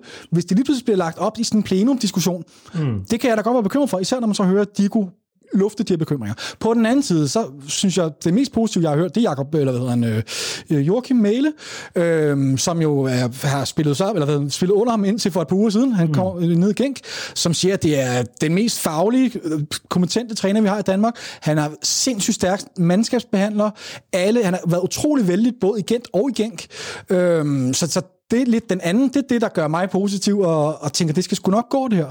Og så Francis Digo, for lige at få begge nuancer med i det, Francis Digo siger, så siger han også, at, at han, han, øh, han kan altså også godt være hård. Øh, han, øh, i, i, I sine to år i Gent, der formoder han at rase uklar med to-tre spillere, topspillerne i Gent, og sætte dem helt ud af truppen. Okay. Øh, så, så det er jo ikke fordi, at, øh, at han ikke kan. Men David, hvor, hvorfor tror du, han, tror du også, det var derfor, han var sådan, han var jo ret upopulær blandt Midtjyllands fans, og man kan jo, det er jo altid sjovt lige at gå tilbage på nettet, og så lige skrive, se, hvad skrev de dengang, og også hvad skriver de nu. Han var ret upopulær hos Midtjyllands fans. Tror du, det var derfor, eller tror du, der var andre årsager til det? Ja, ja jeg, jeg tror, at øh, jeg tror, han har ændret markant stil, og han er bygget på og blevet tror også, en er dygtigere træner. Ja, helt enig. Øh, og det er også det, der gør mig mere tryg ved situationen i dag, end jeg var for fem dage siden. Fordi det, jeg tænkte på for fem dage siden, det var hans, det udtryk, Midtjylland havde der for, for Det var forfærdeligt, fem år siden, eller hvornår det var. Og det var nemlig, det var, ikke, det var, alt andet end offensiv fodbold, som, som du det. har Det- sagt. Det var slet ikke det. Men, men når man så hører øh, det singende fra, fra Belgien, hvor det netop er teknisk, offensiv-minded fodbold, kæmpe pres osv., øh, Men, men har, har du noget, eller, eller egentlig både Victor og David, har, har I noget til, og Kasper også vil, men har I noget til sådan, om han sådan er, kan han stå, nu har han været i to sådan byer i Belgien, som er sådan, altså det er jo ikke kæmpe byer, han har været i, i Herning, det er jo ikke ligefrem jordens mest sexede sted. Esbjerg heller ikke. Altså, har I noget med det der med, sådan, med, med, med ham i København, eller overfortolker man lidt på det at være leder i en stor by? Jeg tænker, han, han, han står inde i sådan et rigtig stort brand nu. Øh, ser I nogle faremomenter der? øh, og det er jo derfor, han skal have en sportsdirektør ved sin side, som, som man kan læne sig op af, og som måske også kan være øh, the bad cop i, i, i den her øh, forbindelse. Og det behøver selvfølgelig ikke nødvendigvis være en sportsdirektør. Det kan vel også være Jakob Næstrup for eksempel, en assistenttræner, Det som kunne det kan gå være, ja. være... Det kunne det sagtens være. Ja. Jeg tænker, at måske den, det eneste farsignal kan være det der flagrende formation, vi har været vant til, en, en 4-4-2. Man vidste, hvad man fik. Det tror jeg også, nogle spillere, de, øh, de lever øh, godt på. De kender deres rolle. De, de skal ikke ud og opfinde den dybe tallerken øh, hver måned, lad os sige det. Det er ikke, fordi jeg siger, at Jes Torp gør det, men øh, man, man ved, hvad man får. Ja, men det var også det, lidt, det var også en af de tanker, jeg havde lige i starten, da jeg hørte Jes Torp. Det var lige præcis det der med, at hvis han nu har udviklet sig så meget, man hører mange af de, eller man ser mange af de der klubber, som virkelig, virkelig klarer sig godt, og der vil jeg også sige FCK i Ståles første periode, med den måde, vi spillede på internationalt, men også selvfølgelig hele genpres, øh, Red Bull osv. osv. Øh, tankegang. Nogle af de her klubber, som har klaret sig rigtig, rigtig godt, de har været vildt øh, konsistente i deres koncept, og så kommer der en mand, der ikke er så konsistent, og så, og så tænkte jeg sådan, hmm, har det også, det har helt klart nogle fordele, men har det måske også nogle ulemper, at man ikke har den der super spidskompetence, der bare kan køre det. Bliver det sådan lidt la-la, øh, fordi man skifter så meget? Ikke? Det var bare sådan en refleksion på min side. Jamen nu, nu, nu bliver det sgu en lille smule nørdet, men for mig at se, så tror jeg ikke, at vi skal gå så meget op i, om det hedder 4-3-3 eller 4-4-2 eller hvad det hedder. Jeg tror, at der er nogle nøgleprincipper, der skal gå igen i FCK, og det vil de blive ved med at gøre. Jeg tror ikke, at vi skifter væk fra et nordisk zoneforsvar. Mm. Øh, det kan jeg ikke forestille mig. Jeg kan så forestille mig, at lidt alt efter, hvad materiale der er, så har vi øh, nogle flere planer. Ikke kun på en sæson, men også i løbet af en kamp. Mm. Det der med, at jeg synes, vi har haft et problem med at ændre udtryk i løbet af en kamp. Det der med, at vi har ikke haft en plan B. Øh, vi har skiftet 50 baks ind i løbet af kampen, øh, når vi skulle vende noget. Vi har måske lige gået over til, til, til en 3-5-2 eller et eller andet. Men det der med at kunne lige pludselig måske lave en diamant på midten eller et eller andet stil, det, det er noget helt andet for mig rent taktisk. Jeg tror, vi bevarer grundprincipperne i FCK, og det er egentlig det, jeg tror, der er det vigtige. Og så er det, at vi kan have alle mulige øh, forskellige formationer øh, ind i, i det system, men grundpillerne holdes, og det tror jeg er det væsentlige her. Ja. Jamen det, jeg, jeg, jeg er helt enig i analysen, at det er sådan, det bliver. Det, jeg så bare kunne frygte, det var, at vi måske mangler det der sådan ene koncept, som vi er helt sindssygt gode til, mm. som for eksempel Red Bull er med deres øh, fodbold, og som bare kan køre nogle hold over, ikke? hvor det bliver sådan lidt la-la, så i stedet for at blive rigtig god til noget, så bliver man lidt god til det hele. Ikke? Men jeg kunne godt tænke mig at spørge jer noget, jeg selv har undret mig over sådan med, med mandskabsplejen, for, hvor, som jo er en af hans ting, han bliver fremhævet for god mandskabspleje, men, men tror I, han sådan kan, lad os nu sige, at nogle spillere som, lad os bare sætte nogle navne på, Sanka, Victor Fischer, øh, måske Seca, lad os sige, han sådan i første hånd ikke passer så godt til dem, lidt af de spillere, man har hørt, måske også Diko, og også nogle spillere, man har hørt om nede i Belgien, som ikke passer så godt til den bløde ledelsestil. Tror I, at han sådan over tid med faglig styrke og så videre kan overbevise dem, eller tror I bare, man må sige, at han er den type træner, som måske ikke kommer til at være perfekt overens med alle spillere. Det kan man jo, man kan stadig godt have succes. Altså, hvad, hvad, hvad, hvad tror I med, med de der, sådan, lad os sige, Sanka-type spillere? Hvis, lad os nu antage, at de ikke lige kommer ind på hinanden den første måned. Det kan godt være, de gør det, men lad os nu antage, at de ikke gør det. Tror, tror, tror I, han kan vinde dem over? Sådan personlighedsmæssigt? Det er et ja, godt spørgsmål. Ja, det er et godt spørgsmål. Altså, øh, jeg tænker, at øh, nu bruger du selv Sanka som, øh, som, øh, som øh, case her. Øh, jeg tænker, at øh, Sanka er jo også en intellektuel fyr, øh, ligesom øh, Jes virker. Og jeg tænker, at øh, det med, at du som ung fodboldspiller møder noget omsorg og møder nogle øh, interesser for dit familieliv og hvad, hvad det ellers er, vi hører derude af. Mm. Det, det, det tror jeg faktisk godt kan gøre noget godt. Men det er klart, at alle de ting, vi sidder og roser lidt nu, de står først deres prøve, når det er, at det blæser. Ja, det, det var også det, der min pointe. og det- ja, og, og, så, og, og, og kan, har han så det der... Fordi hvis nu vi havde fået Jürgen Klopp, det får vi jo aldrig vel, men lad os nu sige, vi havde fået Jürgen Klopp, så havde jeg med det samme tænkt, Ja, selvfølgelig havde jeg tænkt yes, men hvis du kigger på ham sådan, som en ledelsestype, så havde jeg tænkt yes, fordi hey, her er der en mand, der kommer foran begge typer, mm. og jeg ved bare, med de udfordringer, som organisationen, respektive fodboldklubben kommer ud i, der vil han kunne håndtere dem alle sammen. Så er jeg så i tvivl med yes. Lad os nu sige, at han møder nogle store københavnske egoer, og der er også godt nok mange egoer i fodboldverdenen, der kan komme til FCK, ikke? Mm. Og så måske lige finder, ah, okay, hvad er det for en, øh, det er en svag træner, det der, ikke? Og han, han, han har ikke helt færdig omklædningsrummet, ikke? Og Men kan, findes kan, de ikke han... også igen og gængt? Jo, og der hører man jo også nogle ting at, på vandrørene, at der er også nogle spillere, som ikke har respekteret ham, men man hørte også fra Dikurs, der, der, det der med, det som jeg ikke giver så meget for, det folk siger, han har en fantastisk mandskabspleje. Ja, ja, siger alle dem, som der godt kunne lide ham. Men det er jo klart, at dem, som der ikke kunne lide ham, de synes måske stadig, at han er en flink fyr, men de præsterer bare ikke under ham. Og derfor synes jeg, det bliver lidt bias, det der med mandskabspleje. Fordi når man har en fyr, der er en flink fyr, så vil man altid høre, at han er god mandskabspleje. Men det er fodbold, det her. Det handler ikke om mandskabspleje, det handler om resultater. Altså, jeg, jeg, jeg sidder og tænker lidt over det der, du, du, du snakker om med, med Sanka, og de her københavner arrogante typer, lidt det, jeg hørte dig sige, at det kan være svært for ham måske at tøjle det, øhm, eller måske nærmere omvendt, det kan være svært for dem at respektere den her sindrige jyde, øhm, som så for øvrigt er københavner, det har vi været inde på, men, men, men øh, altså, jeg ved sgu ikke, om jeg køber den, fordi jeg tænker, selvom man er en arrogant københavner, så tror jeg stadig godt, man kan vinde hjerter og respekt ved at være den her sympatiske fætter. Altså, man behøver ikke at være benhård kyniker. Jeg tror, det er alfa og omega, som du siger, at resultaterne kommer. Hvis, hvis, hvis han får en dårlig start, så kan han... Altså, vi kan stå her om tre måneder, og han har tabt hele omklædningsrummet. Det er der en, en risiko for. Øh, men, men jeg kan ikke se, at, at det er nødvendigvis, at der er sådan en til en relation mellem, at, at man skal være øh, stille hårdt mod hårdt over for, eller man skal, man skal være en benhård nej over for de her københavner arrogante typer. Det, det... Men tror ikke, der er nogen typer? Jeg kan huske Gaxe, han kommenterede engang øh, den gode Jakob Begregersen Gaxe med det frygtelige irriterende mellemnavn.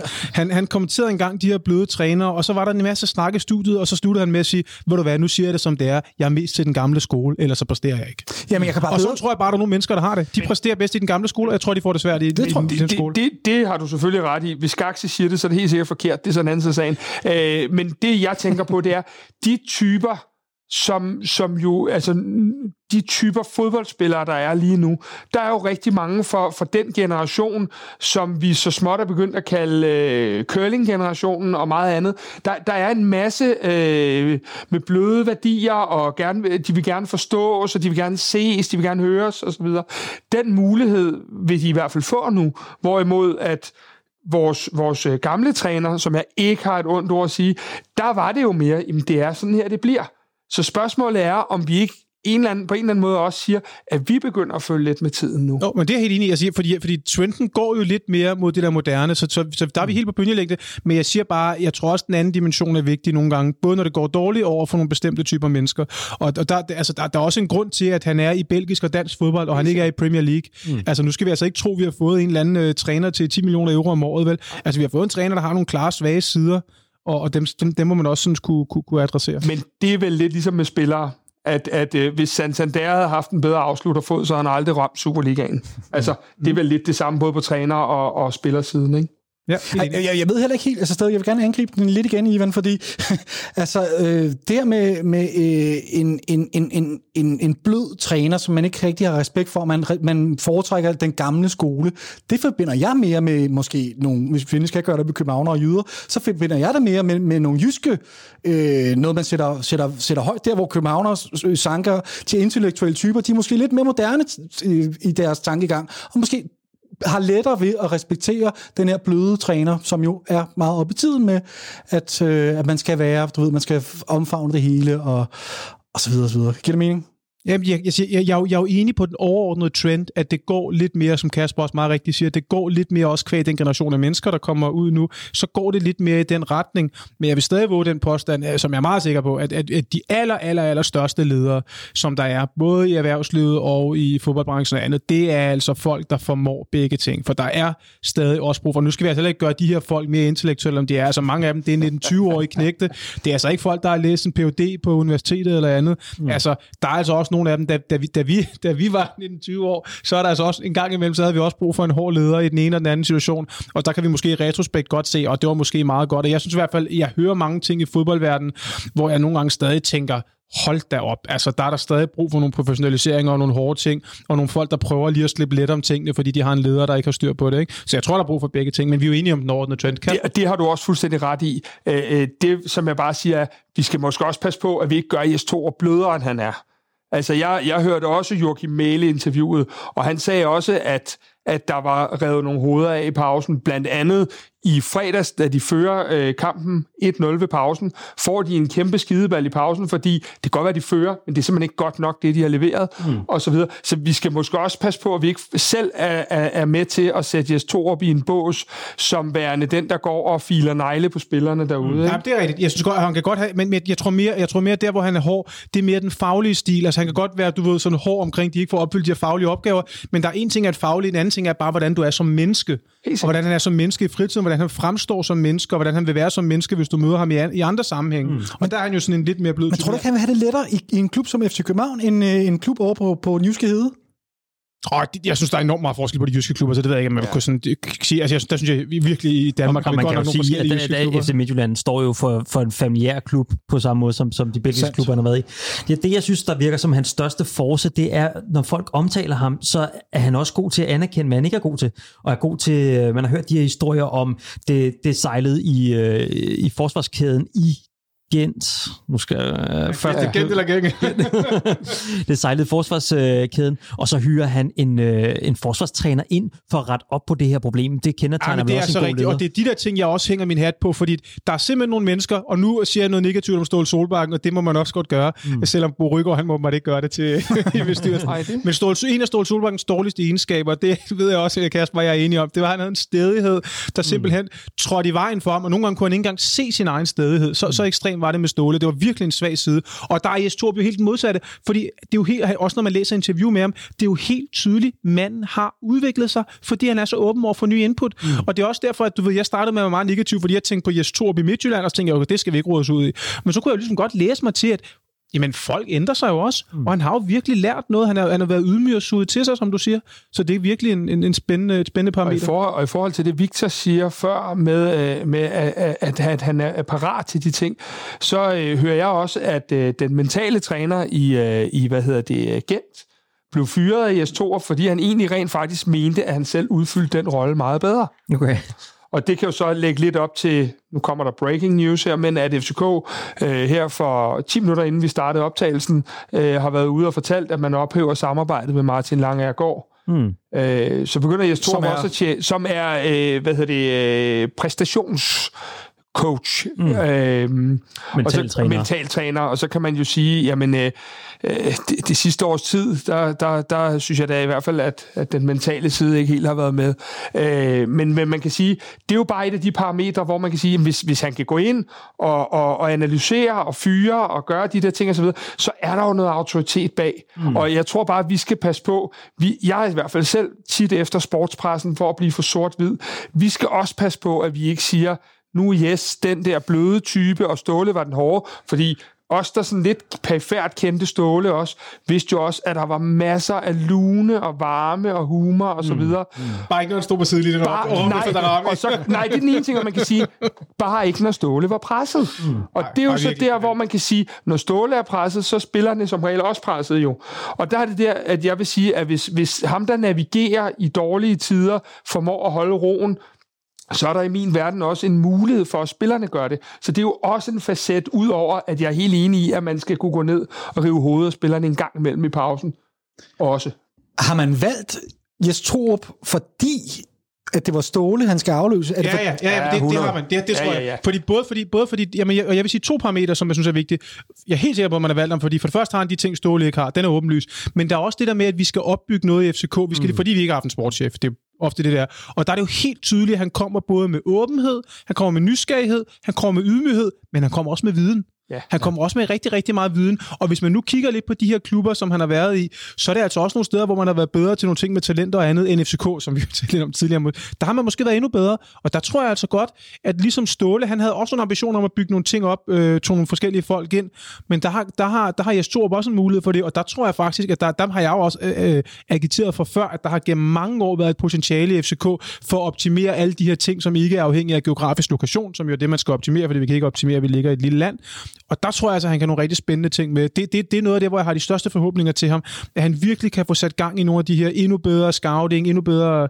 Jamen, når han beskriver, han beskriver interview alle de der folk, han har haft rundt om sig ja. i Belgien, ikke? det er altså mere... I Midtjylland har man jo rimelig mange efter danske forhold, ikke? og FCK er sådan mm. okay med i det, ikke? Mm. men i Belgien er man endnu længere fremme. Ikke? Der skal vi da lave noget copy-paste som minimum copy-paste, ikke? Vi skal helst gøre det endnu bedre, ikke? Og der skal, I, der skal vi også huske det der med, nu har vi jo rigtig meget snakket om, at vi gør det i den forkerte rækkefølge. Vi, vi tager træneren, mm.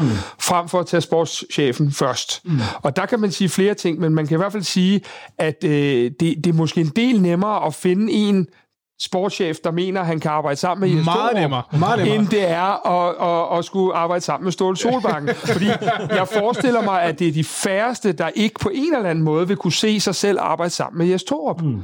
Øh, så så det, det, det er jo også et parameter. Det andet, man kan sige, er, øh, jeg har ikke noget ondt at sige om Hjalte, men når, når man som Ivan starter med at sige, kigger lidt på udtrykket, så var det altså nu. Ved I hvad, venner, hvis vi havde ventet til jul, så kunne de medaljer, og helst guldmedaljen, være langt, langt borte. Mm. De er altså inden for synsfeltet nu. Og, og med det udtryk, vi, vi viste de to hjemmekampe her, så bliver jeg bare nødt til at sige, der er brug for en, der kommer ind og kigger på noget spillestil og nogle forskellige facetter. Jeg har i hvert fald nogle ting, jeg synes, han skal kigge på med det samme. øhm, og det er bare vigtigt, det er nu. Ja. Ellers toget kørt. Ja. Men jeg, jeg tænkte også på, altså jeg er fuldstændig enig i det, I siger. Jeg synes, det er nogle interessante pointer. Øh, men jeg tænkte egentlig mere på denne her sådan, øh, mentale stil, tilstand, som vores trup er blevet efterladt i, og som mange peger på, Ståle, han øh, har kørt dem for hårdt i en periode, hvor det er gået mm. dårligt. Ikke? Mm. Men der får, man vi... jo her, der får man jo her det fuldstændig modsatte. Ikke? Det, ja, det, det, det, det, min point er, hvis, hvis, vi havde, hvis Ståle var blevet fyret, til, han har stoppet til sommer, blevet fyret mm. til sommer, mm. mm. efter vi havde vundet et mesterskab, og han havde efterladt en trup på, altså vores selvtiden havde været tophøjt og det hele, så var måske valgt en anden træner end Jes Torup, eller hvad? Hmm, jeg er ikke sikker, for jeg tror simpelthen, at det her det handler om, at det er den profil udad til også, at klubben gerne vil have nu. Det tænker jeg også. Altså, prøv at forestille dig, nu er det jo ikke for at sammenligne, men det er det så alligevel. Det, det som Jes Torup sagde aller, allerflest gange på øh, pressemødet, det er jo stort set, at han ikke vil sammenlignes med Ståle Solbakken, men det kommer han altså til at blive. Ja, selvfølgelig. Øh, og, øh, og, og netop, altså sådan en Brian Priske, havde han smuttet, hvis det var Jes Torup, der havde roret i FCK øh, en Jesper Jansson. Altså alle de her forskellige øh, kæmpe kræfter, som vi har haft inde omkring vores klub, er det sådan nogle, vi gerne vil bygge op omkring klubben, sådan, så vi får et fort herinde? Hvorfor er Næstrup på vej tilbage lige pludselig? Lige præcis. Det er måske også mere attraktivt at være assistent under Jes Torup, end det er under Stålsfodbank. Ja, ja fordi det, den, den har kørt lidt meget øh, her på det sidste, det med Næstrup. Hvis det bliver til noget, så er der mange, som netop tager det som et, et, et, et fuldgyldigt, endegyldigt bevis på, at Ståle han ikke vil tage nogen ind under sig, øh, hvilket jeg langt hen ad vejen er fuldstændig enig Men det har han jo også anerkendt selv flere gange. Men, men, men, men, men, men bare lige, jeg er, jo, jeg er jo om nogen fortæller for den der pointe om, at Ståle han var dårlig til at tage folk ind, men lige præcis Næstrup-casen var vel lidt noget andet, ikke? Fordi Næstrup fik vel lov til at gå, fordi han fik et godt tilbud. Det var jo ikke som Jesper Nej. Jansson, eller Brian Peske, eller Peter Nielsen. Correct. Så jeg synes måske lige, lige casen med, med Næstrup var lidt anderledes, men derfor er grundpointen jo stadig rigtig. 100%. 100%. Ja, og så kan man også sige, hvorfor er Næstrup allerede på vej tilbage?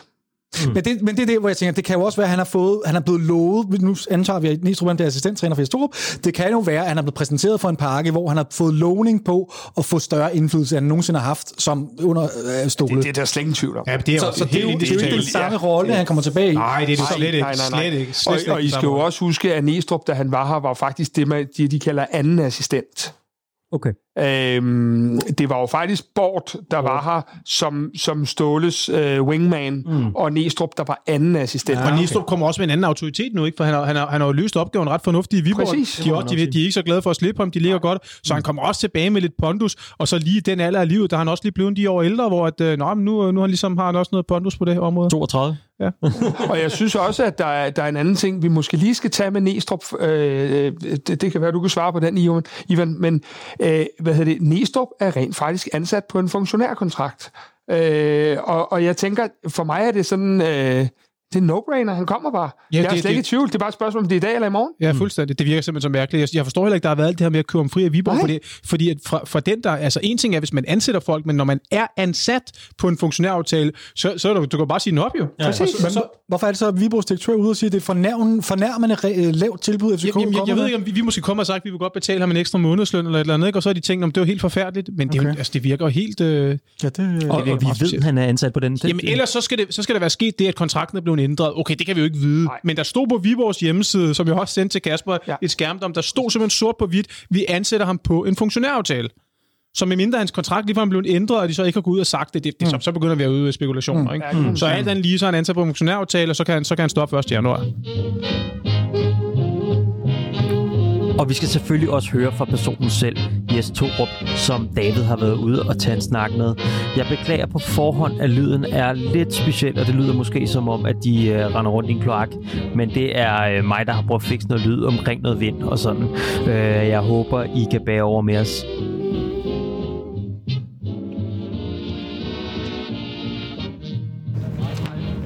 Hej. Hej. Jeg kommer fra Absalons Radio, en FC København fan podcast. Ja. Først og fremmest velkommen til klubben og byen. Tak for det. Øhm, jeg har et par opfølgende spørgsmål på, på de interviews, du gav i går til FCK TV. Øh, Du siger, at du meget tidligt i forløbet øh, blev bekræftet i nogle af de ting, du har gået og tænkt omkring FC København og staben. Kan du uddybe lidt, hvad det var, du blev bekræftet i, der, der, der, der føltes rigtigt? Nå, men en ting er jo, at øh,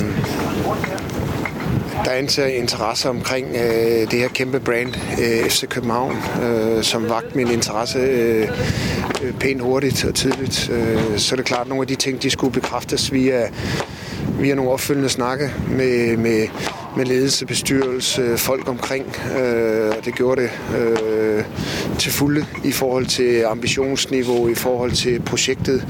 Og, og det var det, der var vigtigt for mig, øh, for at se, om jeg kunne se mig i det projekt her. Det synes jeg bestemt, jeg kunne. Så fik, øh, gik det jo også op for os, at du faktisk er københavner. Kan du ikke bare lige ganske kort, øh, hvor længe har du boet i København? Jamen, øh, jeg er født, øh, hvor vi boede i Silkeborgade øh, og boede i København øh, til jeg var, jeg tror jeg var syv år gammel. Øh, så flyttede vi herfra. Jeg nåede lige at starte min fodboldkarriere i B93 øh, lige kort, øh, der som, som 5-6-årig. Øh, men øh, som syvårig flyttede jeg fra København. Du snakker også om det her med, at, at byen København også talte lidt med i spil, eller i den her beslutning omkring at komme til FC København. Øh, kan du uddybe det en lille smule?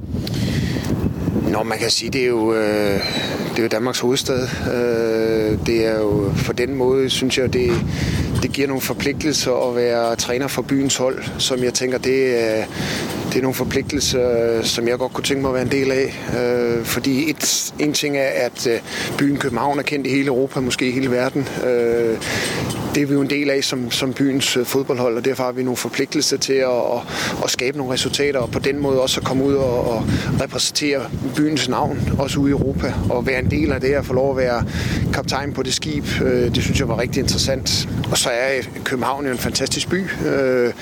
Min datter har boet her et stykke tid, studerer her, og derfor er vi jo kommet her en del.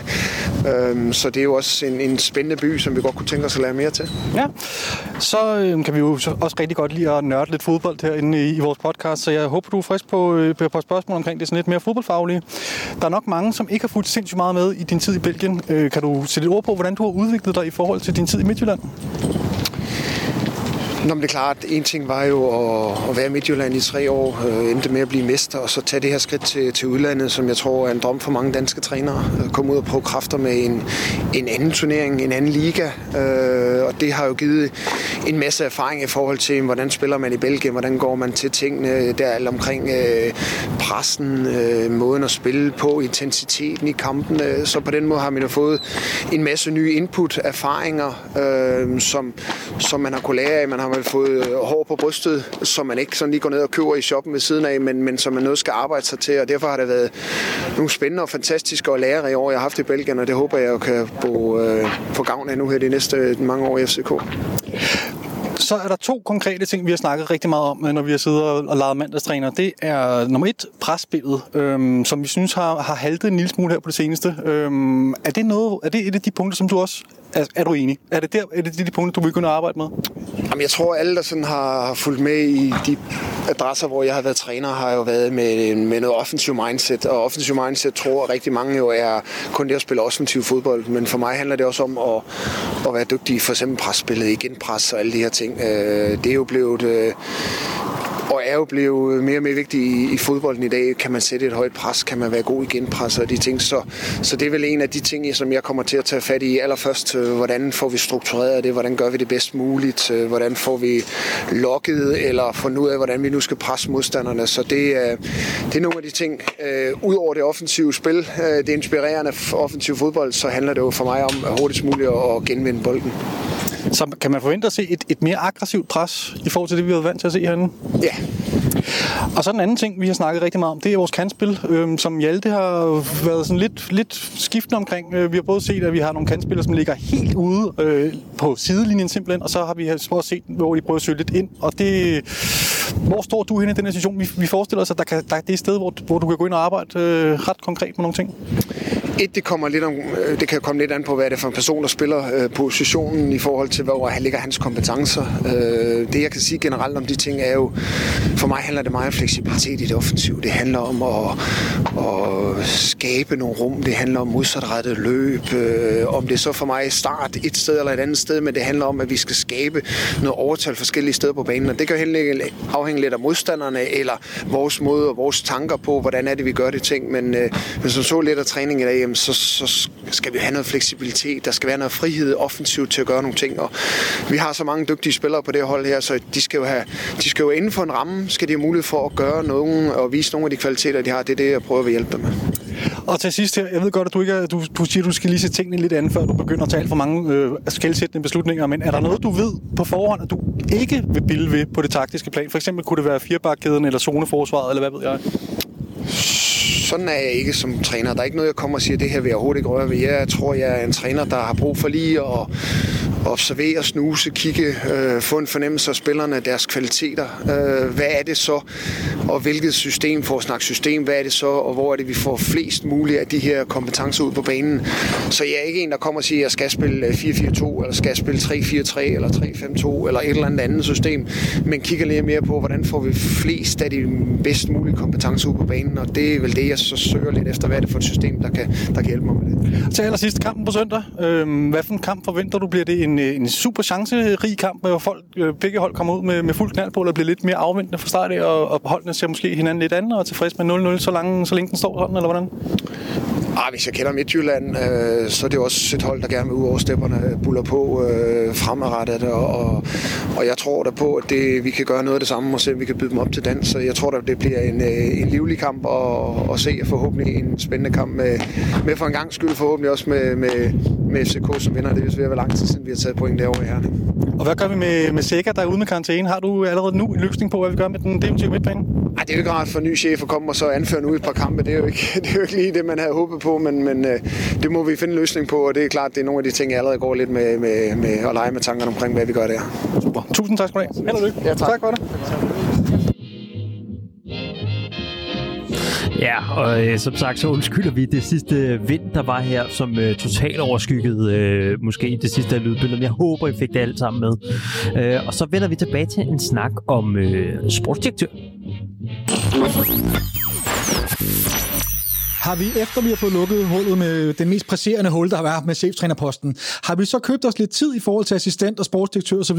Altså, kan vi forestille os, at vi, øh, at vi ikke ser noget nyt på den post frem til, nu ved jeg godt, det lyder som om Næstrup er tæt på, men sportsdirektøren så, kan vi, har vi så god tid nu, at vi Jamen, måske jeg vil godt, kan vente Jeg vil godt lige en enkelt kommentar ja. til det med sportsdirektøren, hvor, hvor jeg virkelig også godt kunne tænke mig at høre jeres input, fordi vi, vi ved alle sammen godt, at der er en relation imellem Jes Torup og, og Troels Bæk, fordi mm. at han har været mm. Troels Bæks assistenttræner, og Troels Bæk sådan har mange af de her parametre, som vi søger som sportschef, og det er umiddelbart den mest åbenlyse. Men er der ikke det med sportschef, at hvis det nu ikke bliver Truls Bæk, lad os nu sige, at Kvist ikke kan lide Truls Bæk, der er et eller andet, det bliver ikke Truls Bæk, så er der ikke rigtig nogen åbenlys og så ligger det nærmest lidt i korten, at det bliver en længere proces. Fordi hvis der ikke, der er jo ikke nu, så skulle det være Jesper Jansson. Jeg tror altså personligt, han er svær at hive ud af Stockholm. Mm, mm. Så lad os sige, at det ikke bliver en af de to.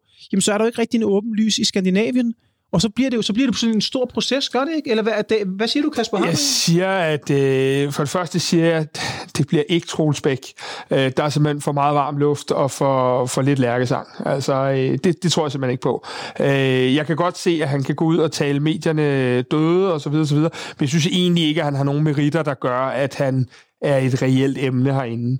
Øh, hvis jeg skal pege på en, øh, så, så, så vil jeg rigtig gerne pege på Jens Ørgaard, øh, tidligere sportsdirektør i Midtjylland, nuværende agent, øh, øh, blev kendt dengang som klassens frække dreng. Øh, det må han gerne stoppe med. Men Jens Ørgaard ville være en type, der kunne lede op af. Han vil være en type, der kan give en skideball, og han vil være øh, en type, der kan sætte sig i respekt Jamen, jeg, jeg vil opponere lidt mod. For ikke, jeg er enig, enig i det, du siger med Troels Bæk og meritterne, at de, de ikke er helt så, hans meritter er ikke helt så gode som hans retoriske evner. øh, Men jeg vil så stadig se det ud fra et ledelsesmæssigt perspektiv og sige, at jeg mener jo personligt, at FCK i de næste år, og så må tiden vise, om der er ressourcer til det, i sportsdirektøren skal lægge stor vægt på direktøren i de to ord. Det skal være en, der opbygger en øh, teknisk direktør, en head of scouting og alle de her ting, som man har i de belgiske og hollandske klubber, hvor de har nogle større setups rundt om. Mm. Og jeg tror stadig, at Troels Bæk godt kan være en mulighed, hvis man også ser ham som en leder. Fordi som ledelsesmæssig person ser ham så en, egentlig så på et rimelig fornuftigt niveau. Mm. Han skal bare ikke være den der, som kun er... Han skal ikke være sportschef. Sådan vil jeg sige det. Som sportschef vil jeg ikke have Troels Bæk, men som sportsdirektør kan jeg godt se noget, noget, noget potentiale i det. Kan vi ikke lige for mig og andre eventuelle lyttere, hvad er forskellen på en sportschef og en sportsdirektør? Nå, men det jeg mener, det er en sportsdirektør. Han vil jo typisk have det ansvar i organisationen, at han er en direktør. Det vil sige, han er som udgangspunkt en leder. Hans opgave det er at være leder. Han skal opbygge en organisation. Han skal have det personalansvar for mellemledere. Det vil sige, han skal ligesom være, og der tror jeg godt, Troels Bæk kan have noget autoritet og noget intellekt til at være direktør, og til at kunne ligesom håndtere sine mellemledere. En sportschef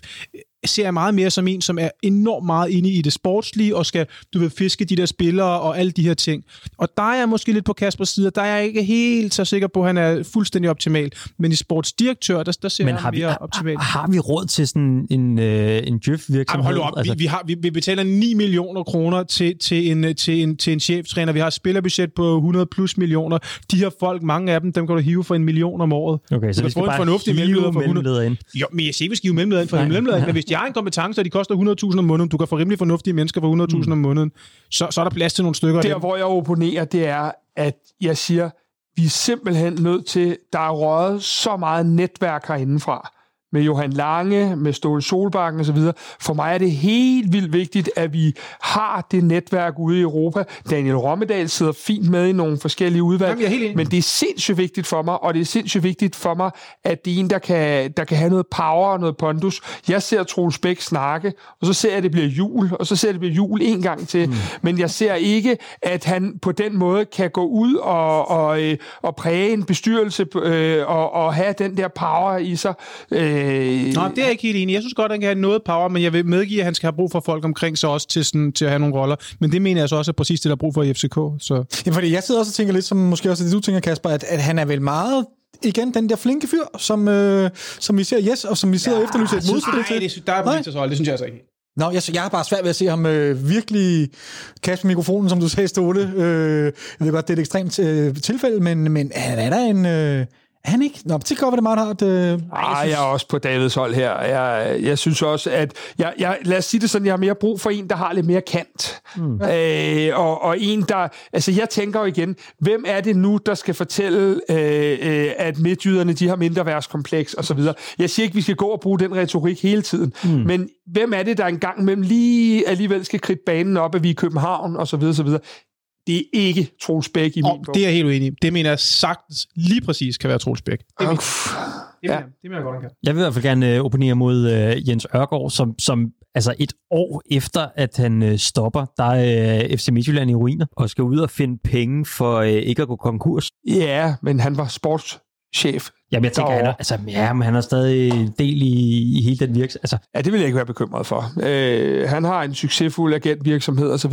Det, der for mig er, det er, at han har lidt kant, og han øh, på en eller anden måde kan komme lidt rundt øh, og, og, og sige nogle ting lige ud af posen. Mm. Og jeg tænker, hvis vi får for mange flinke fyre, så bliver jeg bare ked. Jeg bliver, jeg bliver bare bange for, at vi bliver for kedelige, hvis vi alle sammen taler pænt til hinanden. Mm. Men jeg kan bare ikke se, at det er, altså, er, er det det, der er det primære parameter for, fordi jeg vil sige, at de, primære to parametre, jeg så for en sportsdirektør, det vil et, det vil være en stærk leder, det synes jeg ikke, Jens Ørgaard er, og så vil det være en person, som er, som er, øhm, som har et fagligt indsigt til at kunne plukke nogle spillere, ikke kun kvæg sit netværk, men kvæg at kunne opbygge en eller anden organisation. Det, det sidste ikke... har han u- utvivlsomt øh, bygget op via sin agentvirksomhed. Jamen, jeg siger, jeg, jamen, jeg siger kvæg, at han har noget faglig viden, ikke, ikke kun at kvæg at have et netværk.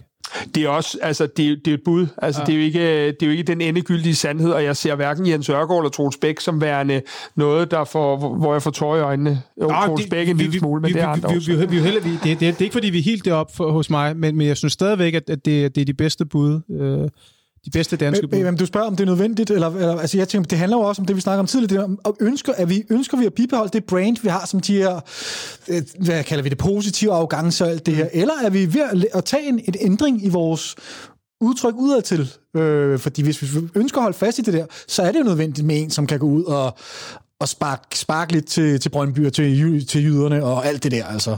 Ja, jeg, jeg ser, at vi er nødt til at bibeholde noget, fordi ellers så, for mig at se, så sker der det, at hvis vi ikke har resultaterne med os, så begynder vi at blive ligegyldige. Og det er noget af det, jeg tænker, det må vi aldrig blive. Vi må aldrig blive ligegyldige. Og hvis vi, Gud forbyde det, skulle blive nummer 8 i den her sæson, så, så begynder jeg at mangle, altså det FCK øh, er kendetegnende ved, hvis vi skulle storytelle, det er jo for eksempel øh, European Nights. Dem har vi ikke nogen af. Hvis vi så også ligger nummer 8, øh, og så videre, så videre, så tænker jeg bare, at hvis vi ikke har noget kant, og hvis vi ikke har noget, så bliver vi en, en, en, en ligegyldig levpostej, og det har bare ikke lyst til, at vi skal være. Derfor synes jeg, det er vigtigt, at vi har nogen, der kan også en gang mellem lige sparke lidt til den forkerte side. Men kan vi nogensinde blive ligegyldige, når vi har øh, ligaens største budget? Jamen, som det er, ja, det er jeg altså også uenig. Jeg mener, vi, vi kan sagtens opbygge. For det første bliver det nemmere at komme i Europa fra næste år, så det, det, vi skal nok få med os European Nights, i, så om det, om det så bliver den ene eller den anden liga. Jeg tror, ja, ikke som eller, nummer 8. Eller, eller den tredje. Men, men, men det, det, det er jeg nu ikke så nervøs for, som jeg ville være for 10 år siden, hvor, hvor sådan, sige, strukturerne så lidt anderledes ud. Men jeg vil stadig godt anfægte lidt med det der med, hvis, hvis, hvis man skulle lave en profil på en leder, det er da fedt nok, at han kan sparke nogle døre ind og sådan noget, men hvis jeg kigger på sådan de to-tre parametre, som gør, om den her leder får succes, eller om han ikke får succes, så vil jeg stadigvæk sige, at de to vigtigste parametre, A, han skal være, hvis han skal være sportsdirektør, så skal han have nogle ledelsesmæssige egenskaber. Enig. Og punkt to, så, og det synes jeg ikke, Jens Ørgaard har. Jeg vil sige, nu er jeg arbejder altså dagligt med ledelsesudvikling. Jens Ørgaard er ikke engang tæt på at være i nærheden af at være en leder. Der er en grund til, at han også er agent. Han er ikke leder. Det kan godt være, han kan have nogle faglige ting, men han er altså ikke en leder. Der er altså ikke nogen C20-virksomheder, der vil overveje en type som Jens Ørgaard på en position, der giver på den rigtige side 2-3 millioner om året. Så meget kan jeg, det kan jeg altså godt garantere for. Så han er ikke en leder. Men, men, og det andet ting, vi skal have, det er den faglige indsigt. Vi skal have en, der ligesom fagligt har den her kan være en, en, en sportsdirektør, altså du ved, på den, på den faglige front. Og det er der, jeg spørger mig selv om, hvad er der så af danskere? Så det var derfor den tilbage til, hvornår vi får en. Fordi hvis der ikke er de store danskere ud over Truls Bæk, som ikke er så populær her, der, så synes jeg bare ikke, jeg, jeg sidder bare ikke med de der navne i maven, hvor jeg, hvor jeg lige hiver dem op og siger, og siger det skal, fordi, og, hvis det, og hvis jeg ikke gør det, og hvis I andre heller ikke gør det, jamen så jamen bliver det så ikke en længere proces? Det tror jeg helt sikkert, det gør. Altså, vi havde jo et navn op at vende i sidste uge, øh, som hed Pelle Nielsen den skyder man lidt ned på en eller anden Men måde. Men har man, fordi det var dig, der var så fremragende til at finde den frem, Kasper, og så spørger jeg bare, jamen det var det, du blev også, ja, du blev ja. også citeret i medierne for det, det, det, det, Nå, det, det, det, var, det, jeg er til, hvor det var, dig, det var dig, der ligesom kom med den, men, men, men har vi hørt noget til det? Nej, og det, det, det, grunden til, at jeg gravede Pelle Nielsen frem, det var jo vores øh, Bo Svensson-relation. Øh, øh, og grunden til, at jeg faktisk også forleden dag gravede Troels Bæk frem på Twitter, er igen Jes Torup-relationen. De to er jo rigtig gode venner, og man, der ligger et fremragende øh, podcast med Jes Torup, øh, med Bæk bag bolden, mm. øh, hvor man kan høre, at de har en ret tæt relation. Det var derfor, jeg tænkte, der var en connection der. Men du har fuldstændig ret, Ivan. Der er ikke det oplagte bud. Og så bliver det jo en lang proces. Ikke? Eller så bliver det Troels Bæk. Jo, men jeg, altså det, jeg, jeg synes jo stadigvæk, jeg vil jo stadig holde på, at han er en mulighed. Det er I ikke helt enige i, fair nok, så må, det må tiden jo så vise. Jeg, jeg, jeg er ikke afvisende. Men, men jeg siger bare, lad os nu antage, at det ikke blev ham, for det vil jeg sige, den eneste, som ligger til højre benet. Så siger jeg bare, vi, så, så synes jeg bare, det stiller os i en helt ny position, fordi så er det også det der med, tør FCK apropos det, du er meget interessant taler om med at brande sig på en ny måde, alle de der ting, jamen tør man så gå ud og tage en eller anden udlænding, som jo vil være lidt ukendt. Lad os nu sige, at vi finder en, som har været i, du ved, sådan Ariel Jacobs-agtig, bare sportsdirektørniveau, mm. som måske har været i andre lægst, eller hvad ved jeg, ikke? Jamen tør vi bare bare lige sådan hive en ud af ingenting, hive ham ind i København, eller vil vi hellere have en skandinav og sådan noget? Fordi det, det er vel ikke helt der, vi er, David? Jamen, jeg, jeg, jeg er helt sikker på, at vi, vi, vi går ikke ud og henter et eller andet øh, uden for Skandinavien. Altså, og det bygger jeg primært på øh, Kvists argument for at ansætte Jes Torup. Han siger, at øh, han, øh, han er en ønsketræner, der tækker alle boksene, og så nævner han, at han har et indgående kendskab til Danmark og dansk kultur. Han kender FCK og vores måde at spille på, bla bla bla. Altså, det, det, er, det har været det er måske det allervigtigste parameter, at det har været en, der kender dansk kultur og FC København osv. Og, og jeg kan ikke se, hvis man har det. Ja, og så læste jeg det også. Præcis. Så, så, hvis man har det med træneren, så tænker jeg, så er det også, man har det Men, men David, så lad, os, så lad os få et navn for, ja, for din side. Så, no. Jeg er helt blank, og det er derfor, jeg, jeg, og jeg er heller ikke, jeg, du, jeg er heller ikke fuldstændig afvist over for, øh, for, Bæk. for Bæk. Altså, jeg kunne godt se det ske, men så ønsker jeg, at der kommer en, et, en større stab ind. Ja, og det, ja, øhm, det er vi enige om. Og, og jeg, jeg, altså, jeg, hvis jeg skulle sætte mine penge på noget lige nu, så tror jeg, det er Troels Bæk, fordi han er den eneste oplagte. Ja, så, så går jeg den anden vej, og så kan vi starte forfra en gang til, fordi så siger jeg, at så synes jeg, at man skal bibeholde William Kvist i rollen indtil sommer, og så skal man lægge alle sine æg i kurven på, at man kan overtale øh, Peter Møller til efter EM der forhåbentlig er ej, i Danmark. Ej, ej, ej, altså hvis der er en person, jeg... Ej, det må du simpelthen ikke engang sige. Peter Jamen, Møller, det, det er jo ikke lige frem student. Jeg vil da gerne lige høre nogle argumenter. Ej, det er ikke lige frem studenterhund, der trykker hos Peter Møller. Han har aldrig lige frem... Det, det er ikke... Det, det, det synes jeg slet ikke er rigtigt. Jeg synes faktisk... Nu kan vi jo, vi skal vi jo ikke til at sidde og diskutere landsholdet, men jeg synes jo faktisk, at han har været et fremragende pust hos DBU, og jeg synes, han er en super profil, som jeg sagtens kunne se herinde, og han er dansker, han har kendskab til dansk fodbold, Superligaen, han har et fint internationalt netværk, og jeg synes, han er øh, klar og tydelig i sin øh, retorik. Også overfor Åke Harreide? Ja, det jeg synes, han er synes, en u- jeg synes, han er et skole, det er ikke fordi, jeg sådan skal tegne en uenighed op, men jeg synes, han er et skoleeksempel på en dårlig leder.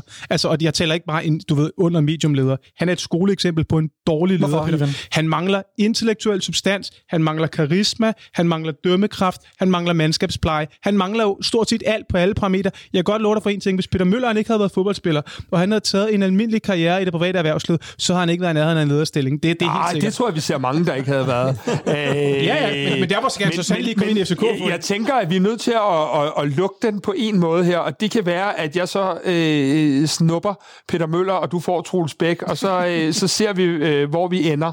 Jeg, jeg synes, Peter Møller er en fremragende type, som... Øh, som leder men Peter Møller. Altså, altså, det er jo helt forfærdeligt, at vi sidder og diskuterer nu her, hvem der skal definere vores FCK-DNA i de fremtidige mange år, og den ene, han har øh, ophav i FC Midtjylland, den anden, han har ophav i Brøndby, og senest været i Brøndby, og sådan at...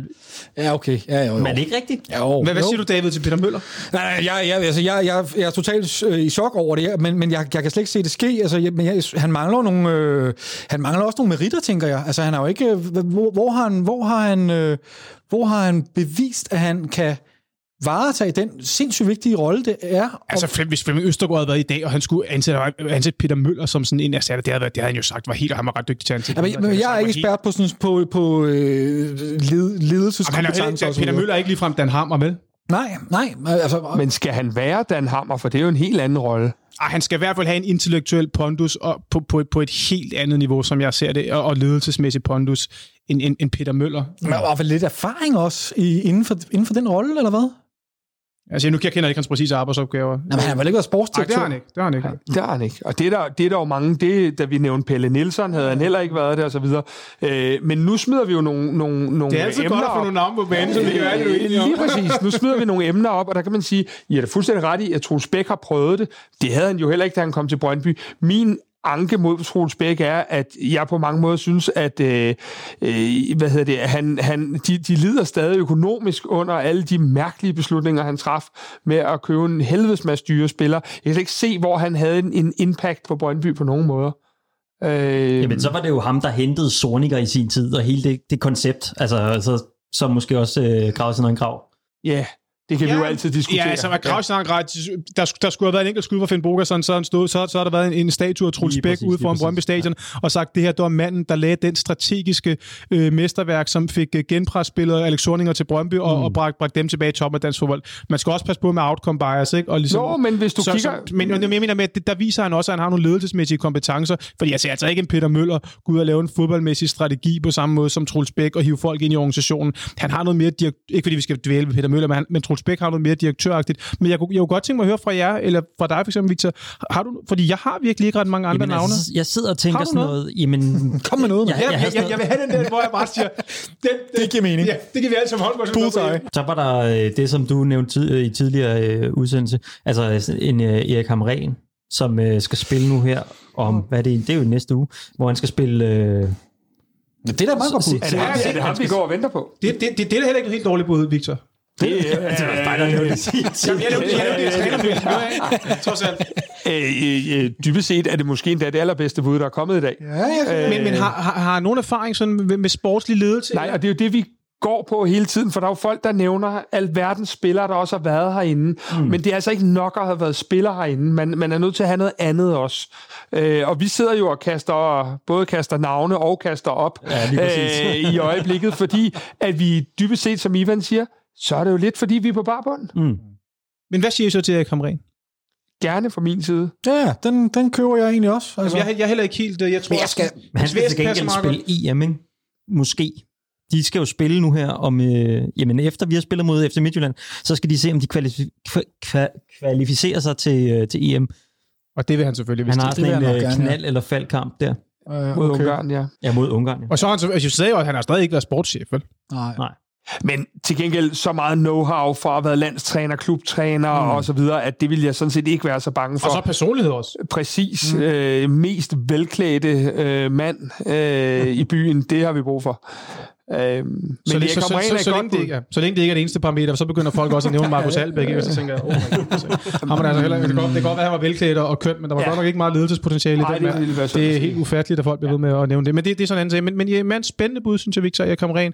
Vi, vi, vi, vi, har flere navne allerede nu oppe end eksperterne. Jamen det har vi jo, og det har vi jo. Det så er der noget at gå, fra, gå ud fra, altså i det mindste. Jeg siger, jeg, jeg, køber, jeg køber egentlig gerne Troels Bæk, og jeg kø- køber måske også Erik Hamren, hvis de kan... Hvis, altså, det handler om, at ligesom jeg kunne blive solgt på ideen med Jes Torup, efter at have fået dykket lidt ned i det og gravet lidt i det og hørt argumenterne. Jeg tror, det samme kunne ske med, med en af de to. Øhm, jeg er enig i det. jeg er lidt, lidt mere skeptisk omkring Peter Møller. Som vi er begyndt her på Absalons Radio, ringer vi vores modstandere op. Og det betyder, at vi skal ringe til Herning, da vi møder FC Midtjylland ude på søndag kl. 18 i en direkte guldduel. Og i den forbindelse, der har vi fået fat i Kent Nielsen. Og nej, det er ikke den Kent Nielsen, der er træner i Silkeborg og har været i stort set alle klubber i Superligaen. Nej, det er vært på FC Midtjyllands fanpodcast Sort Snak, som vi ringer op til.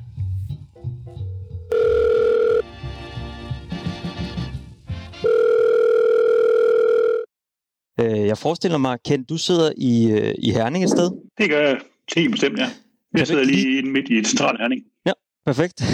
kan du ikke lige kort præsentere øh, dig selv? Jo, altså som du siger, jeg kendt, og jeg er jo FC Midtjylland-fan, og har været det øh, ja, lige siden øh, klubben den blev etableret. Jeg har selv spillet fodbold for øh, sådan mange år siden ude i Herning Fremad, og har spillet der i mange, mange år. Så, øh, ja, så har jeg sådan set fulgt FC Midtjylland siden, at de, øh, de blev skabt.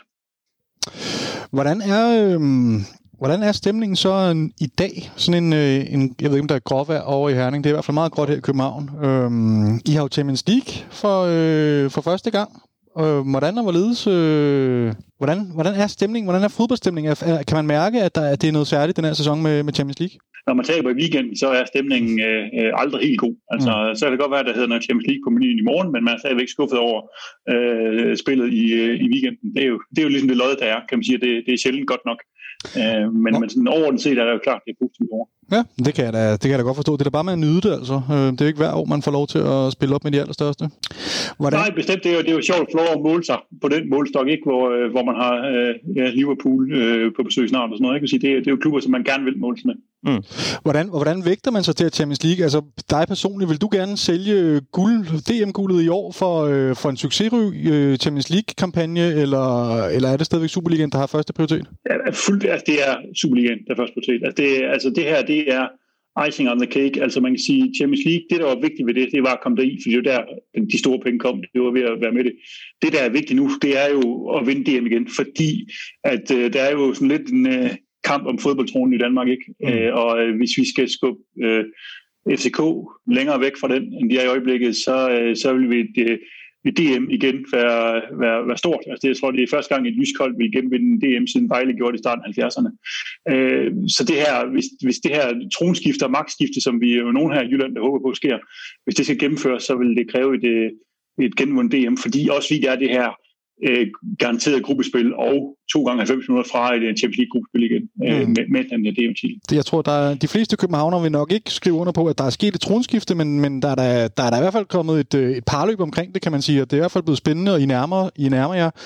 Øh, men jeg tror, mange vil argumentere for, at I, I mangler stadig lidt på den europæiske front for at kunne, øh, kunne kalde jer, hvad skal man sige, flagskibet i, i, i Danmark. Øh, er, er, det, samme holdning, man har i, øh, i Herning, eller hvordan? Ja, men det er det der med at sige, hvornår hvornår er der sket mm. et tronskifte, fordi øh, altså, hvornår man kan sætte fingeren på det og sige, nu er det sket. Men, men, men, men, men øh, ja, altså, hvordan ser I på, på det her tronskifte? Er det, har det ændret, øh, har, har Midtjylland overtaget tronskiftet, eller, eller, eller hænger I, halser I lidt efter FC København stadigvæk, eller hvordan, øh, hvordan, ser I, hvordan ser I på det? Men jeg vil faktisk godt vente lidt om og sige, at hvis ikke tronskiftet sker nu, altså i den her situation, vi er i nu, hvor I er øh, lidt underdrejet og økonomisk er, er helt øh, øh, ned, og, ned og, og, og kysse jorden.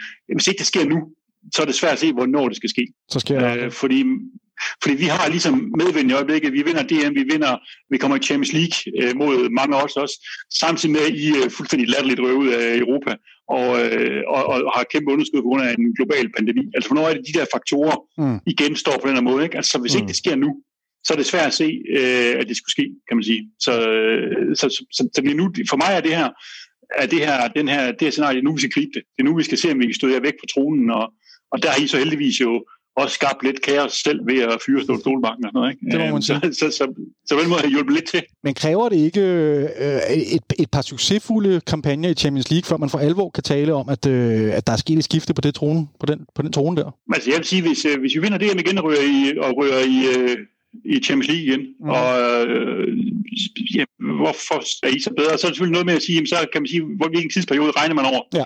Øh, men, og, og det er selvfølgelig det, man kan definere sig, og, så, og så skal vi selvfølgelig ikke året efter lave en OB, og så ryge ned og blive nummer 5, og, og så aldrig blive op på toppen igen. Ikke? Øh. Mm. Øh. Ja, men det, det virker da fuldstændig ret, men det handler selvfølgelig også lidt om, hvordan man så gør det i Champions League. Hvis I, hvis I kommer ud af den her kampagne med 0 point eller 1 point, og det samme skal i næste år, øh, så vil jeg stadig våge påstå, at, at der stadig er en lille smule vej for jer op til, til nogle af de resultater, vi har skabt. Godt nok desværre nogle år tilbage, men, men trods alt.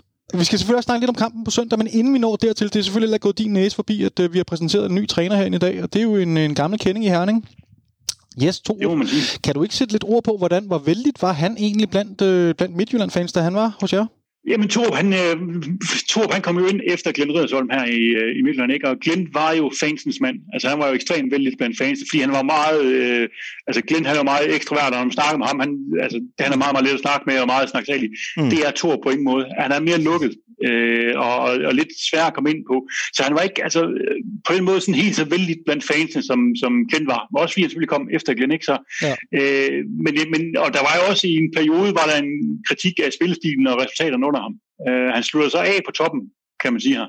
Og, øh, og i den periode, hvor vi vinder DM, der bliver han selvfølgelig øh, får noget medvind i sejlen, ikke? Men, men han er jo, altså jeg er overrasket, må jeg sige, over at han kommer til, til FCK, både fordi jeg synes, det er, altså, jeg ved ikke, om man skal sige, at det er underligt af Torup, eller det er godt gjort, gjort FCK, at de kan lokke ham væk fra, fra Genk, for øh, det synes jeg er, er, er, markant. Men han er også jo, han har en helt anden, markant anden profil Ståle, øh, kan man sige. Øh, og, og bliver jo meget mere sådan, altså, han er, jo ikke, han er jo stille og rolig, og afvejet og afdæmpet, og øh, altså, der bliver ikke meget spræl over ham. Der, der er ikke meget, han er nærmest det modsat ja. af positiv arrogant, ikke? Altså, øhm, Hvad med spillet på banen? For jeg tror, du har en helt klart en pointe om, at der er, du finder nok ikke større diametrale modsætninger rent personlighedsmæssigt end Ståle og, Torup, men, men hvad med selve spillet på banen? Kan du give det mening at, uh, at hente uh, Jes Torup ind til at videreføre noget af det her, som Ståle har lagt fundamentet for? Øh, det, det, det er et godt spørgsmål. Altså, Torup er det er ikke sådan, at han har en bestemt måde at spille på. Man så også hos os, vi skiftede over til en 3-4-3 på et tidspunkt, ikke? hvor vi ellers har spillet 4-1-4-1 uh-huh. i en periode, ikke? Som, han, som han startede i. Så jeg tror egentlig godt, han, øh, han er ikke en koncepttræner, der kommer med en bestemt måde at spille på. Uh-huh. Øh, men han er god til at få noget ud af sin, sine ressourcer. Uh-huh. Øh, og, og hvis man kan huske tilbage til det efterår, vi havde i 2017 under ham, hvor både Sørlot og Paul var der, altså der smadrede vi jo ligaen. Altså fuldstændig vanvittigt. Ikke? Jeg tror, vi satte en ny rekord med ni kampe i træk, hvor vi skulle mindst tre mål. Altså, øh, der spiller han enormt offensiv. Ikke? Så i foråret, hvor alle de spillere blev solgt, og Paul blev skadet, hvilken angriber havde, jamen, så kører han et DM hjem på en øh, stenhård defensiv. Ikke? Mm-hmm. Øh, så, så, så, så, der laver han egentlig for mig at se altså en, et, et, et mesterværk som, som træner. Øh, så jeg ser ham som, øh, øh, som meget omstillingsparat og meget god til at omstille sig til det, som, øh, til det materiale, han har. Mm-hmm. Øh, men han er jo en helt anden, altså det der med, altså min, min, mit billede af Ståle er jo også lidt kæft til retning, og også meget sådan, der hænger spiller ud i, øh, i medierne og sådan noget, ikke? Mm-hmm. Hvor, hvor Torb er helt anderledes, ikke? han er inddragende, moderne, Mm-hmm. Altså helt anden ledertype, ikke? Ja. Mm. Øhm, nu sidder jeg, når jeg sidder og kigger på jeres hold nu, og nu sidder jeg og tjekker lidt op på jeres to i går. Altså, der er mange af de spillere, som man har nu, der brillerer, som, som er blevet hentet til klubben, mens Jes uh, Torup har været træner. Har han i virkeligheden noget øh, medandel i, øh, i de grundsten, der, der øh, er blevet bygget til øh, FC, FC Midtjylland præsterer nu? Det er jo igen det der med øh, omsætningen af spilleren, ikke? fordi øh, der, altså Priske spiller jo på en, på en anden måde end, øh, han gik jo netop væk fra 2 3-4-3, det holdt Kent Andersen med med at have, ikke? men Priske kom til, skifter man over igen og har fået nogle helt andre spillertyper med. Altså i dag har vi nogle helt andre Øh, altså godt nok, Frank Onyeka startede under to, men som angriber, ikke? Mm. Øh, men, men nu har vi, er vi meget mere altså, gået væk fra det her power øh, og dødbolde og lange bolde, og, og prøver at få lidt mere tekniske typer ind på, på holdet, ikke? Så, så jeg synes egentlig ikke, at jeg synes, Priskes Midtland spiller anderledes end Torups Midtland gjorde. Øh, så jeg synes ikke, øh, Okay. Altså, at han på en måde har lagt grundsten til sådan en spiller nu. Det synes jeg mere er Priskes aftryk, vi kan se. Nå, vi har et meget, meget, meget tæt øh, pakket program i dag, så øh, vi kan ellers snakke timevis om det her, men vi skal, vi skal også lige nå at vende selve kampen på søndag. Jamen, jeg synes altså, at vi skal have kendt din, din, øh, din mening eller holdning til, til Jes Torup i FCK. Ja, jo, men jeg, vil sige, jeg kan, jeg kan virkelig godt lide Jes, og han har altid været flink rar, når jeg snakker med ham, og, øh, og jeg synes, han er en super sympatisk kvinde. Han er sådan en af de her typer, det er ligesom Priske, man kan sgu ikke have noget imod ham. Altså, det, det er han for... Øh, altså i får en eller anden måde for lidt kantet til, øh, kan man sige. Øh, og, og derfor er det lidt det der med, jamen, nej, jeg, det er jo lidt ærgerligt, at han bliver den mest sympatiske mand, I har over jer. er, det, er, det, er, det, er det en måde at sige det på? Modtaget. så springer jeg videre til, øh, til kampen på søndag, fordi øhm, den er jo lige pludselig... Altså, hvis du har spurgt mig for 14 dage siden, så har jeg ikke spået os nogen som helst chance for at få så meget som en enkelt point med deroppe fra. Øh, men nu begynder det jo... Øh, dels så kan man se, at Champions League, det koster hos jer, ikke? Øh, er, det, er det tydeligt at se, når I vil udspille Champions League, at jeres niveau så, så simpelthen daler den efterfølgende kamp i Superligaen? Ja, men det tror jeg nu også skyldes en vis mængde rotationer. Mm-hmm. Øh, og jeg tror, der er, der er noget... Nu roterer vi en hel del. Vi spillede det ikke særlig godt. Vi spillede ikke særlig godt mod Brøndby, vi spillede ikke særlig godt mod Nordsjælland, men det var helt galt her mod Nordsjælland. Men mm. det var jo også... Det, vi kommer til at se på søndag, er jo et halvt andet hold, end det vi så i, mod Nordsjælland. Det tror jeg. Øh, jeg, er ikke, jeg, er ikke, jeg er ikke i tvivl om, at det, man gjorde her, det var... Altså, når man kigger på vores kampprogram, ikke, så hed det... Øh, så hed det Atalanta, Brøndby, øh, Liverpool, Nordsjælland, øh, Ajax, FCK, AGF. Altså, mm. hvis du skal vælge en kamp der, hvor du siger, nu skal jeg spare nogle spillere, så satser vi på, at det går alligevel. Ja. Så er det for kamp på ja. hovedbanen. Ikke? Ja. Jeg, er ikke, jeg er i tvivl om, at man topper kæderne øh, og siger, at nu spiller vi igennem med dem, der spiller, også fordi vi spiller tirsdag, og spiller vi igen søndag. Øh, I, I, I får, der kommer stærkeste opstilling mod jer, det er jeg ikke i tvivl om. Så, så man ser både stærkeste opstilling i, øh, mod Ajax og mod FC København? Ja, Okay. Tirsdag og søndag, det skal man skulle kunne spille. Ja. Hvad er forventningerne så til kampen? Øh, forventer I, at I, I kører os over fuldstændigt, eller, eller hvad, hvad er din personlige... Øh holdning til det Jeg ved ikke, om jeg øh, forventer, at vi kører, vi kører over, men, men jeg forventer da, at vi vinder. Det vil jeg sige, fordi altså, de sidste hvad er det, 8-9 gange, i Herning, har vi scoret mindst tre mål og vundet. Ikke? ja, øh, og, og jeg synes ikke, I har været imponerende, når jeg, når jeg ser jer også mod Lyngby her i går. Altså, mm. altså hvad er det for nogle mål? Det er selvmål, det er egentlig rammer med røven. Det, altså, yes, det ser sgu lidt øh, komisk ud. Ikke? Altså, jo, jeg det var ikke kønt. Altså, og så har I fået sikker ud, som jeg synes er måske jeres vigtigste mand, og en, der har været, øh, aller øh, vigtigst i forhold til jeres øh, holde defensive strukturer og sådan noget. Ikke? Mm. Og jeg får en problem med defensiven. De, jeg, og jeg, som sagt, regner med, at vi topper vores kæder og kommer de stærkeste hold. Det så vi mod OB, øh, da vi spillede med det sidste i Superligaen, ikke? at så har vi altså bare et niveau, som, øh, som de fleste ikke følger med på. Så, så, vi, så, så det vil være med gæt, også fordi det er så vigtigt. Altså, det er ekstremt vigtigt, at vi holder afstanden til jer. Øh, fordi jeg tror stadigvæk på den lange bane, at det er der, der er de sværeste. Det tror jeg også godt, at, øh, at Midtjylland er klar over, øh, og derfor så er det vigtigt at sætte det her på plads. Det var da alligevel lidt deprimerende, synes jeg, fra et, øh, en københavner synspunkt. At du, der er slet ikke, kan du ikke komme med et eller andet? Hvor, øh, hvad, hvad er jeres svage punkt lige for tiden? Har I nogle karantæner eller skader? Har noget, eller? jeg tænker. Ja, lad mig høre. Jesper Hansens fravær. Ja, det er, det er rigtigt. Jesper Hansen øh, mangler bestemt. Og det, de holder jo lidt fordækt med, hvor langt han er ude, og det vil de ikke rigtig fortælle om og sådan noget. Ikke? Fordi det kan jo være hvor lang tid, altså det er jo ikke den lyske problem, og det, han er ude til klar, Mikkel Andersen, det er en klar nedgraderingen på den øh, position. Det kræver jo, at I får en afslutning om målet, for det er men, men er det ikke rigtigt, at Jesper Hansen har været med til at stabilisere forsvaret jo, og bestemt også, fordi han er så god med fødderne, at man kan spille tilbage til ham. Altså, jeg tror, Mikkel er jo bedre i, øh, i luftrummet, kan man sige. Det, det, der, det, det, vi set nogle modstandere, der begyndte at lukrere på, f.eks. Jørgens Spark, og slå dem helt tæt ind under Jesper, ind under mål, så rammer Jesper ind, så pakker det felt derinde, fordi han er ikke så god. Han er ikke så god til at gribe bolden ud i luften. Det er Mikkel øh, bedre til. Men ellers, som sige, alt det her med opbygningsspil, og, og man kan spille tilbage til, til Jesper, øh, det er klart, det kan, kan vi ikke på samme måde med Mikkel. Så det giver en, øh, det giver en svær, det er klart, det er, det er en svækkelse, øh, men man kan sige, det er på en position, som ikke nødvendigvis får, øh, får så stor betydning. Mm. Øh, Jamen, jeg vil sige, jeg vil ikke håbe, at, at Jesper Hansen skulle stå en brandkamp for, hvis vi skulle slå jer. Nej, nej, men det er der jo heller ikke meget, der tyder på lige for tiden. Men det, jeg så også hørt dig sige, det er, at vi skal ikke sætte vores lid til indlæg ind til, til Kamil Vilcek og Jonas Vind. Hvad, hvad, hvad, hvad, skal vi så prøve at skulle afslutte, afslutte udefra, eller skal vi kombinere os helt igennem? eller hvad pokker gør vi? Fordi lige nu, der synes jeg, det ser lidt sort ud. Altså, hvis I kan lave sådan en afslutning, ligesom Nordsjælland gjorde her i uh, weekend mod os, ikke, så skal I nok score, ikke? Så skal I nok altså, sæt, sæt den op i krogen ud fra kanten af feltet, altså, ja. så ryger den ind. Altså, lige meget, hvem der ikke? Ja. Øhm, men, men jeg synes, vi, altså generelt, hvis, hvis man kommer med, hvis vi kommer med, med det stærkeste, ikke, så, så er vi jo svære at score imod. Det har vi ikke været så meget i år, og nu, det lyder lidt hult, når nu Nordsjælland de laver fire mod os. Ikke? Mm. Øh, men ellers er det jo den defensive base, som egentlig har været vores styrke. Ikke? Altså, mm. Man kan jo se det på, på Anfield, for at tage, tage et eksempel der, ikke, hvor vi havde den stærkeste kæde. Ikke? Altså, mm. der, der betød det ikke så meget, det var Mikkel Andersen, der stod ind i målet, fordi Liverpool de havde ikke skud på mål øh, inden for rammen mm. i, i første række. Altså, mm. Så hvis vi, kan, hvis vi kan finde det niveau og finde den tænding, og, jamen, jamen, så, øh, så, så betyder det ikke så meget, kan man sige. Så, så er vi svært at spore på. Og hvilke udtryk tror du, FC Midtjylland vil komme, øh, komme ud med til kampen? Altså, vi vil komme blæsende med højt pres, øh, lægge under pres. Øh, nu... Øh, har jo selvfølgelig fået, fået Sanka ind, der også kan, kan spille med bolden ned i jeres bagkæde. Men øh, for mig at se, så er vi bedre på jer øh, på, på midtbanen, øh, og vi har nogle øh, vinks, der kan, der kan presse jeres bak, som heller ikke har været for godt kørende nu, og Anker selvfølgelig også kommer tur. Øh, og så er en af jeres svagheder også, at jeres målmand ikke kan, kan spille fodbold. Altså, så hvis man kan få lagt den tilbage til ham, så bliver han pakket over sidelinjen. men, men god kamp, øh, og, og, og så nyd det der Champions League for pokker der. Det er ikke til at vide, hvornår man, øh, hvornår man står der igen. Jeg kan godt være bange for, at der går lang tid, for, for vi kommer til at prøve det igen i hvert fald. Øhm, så det er bare med at nyde det. Ja, ja, og I må nyde jeres øh, pokalkamp her mod, hvor det var ja. i morgen. tusind tak skal du have. Kent, nu har vi hørt nok til dig. Øh, tusind tak, fordi du havde lyst til at være med. Det var slet. Hej igen. Hej.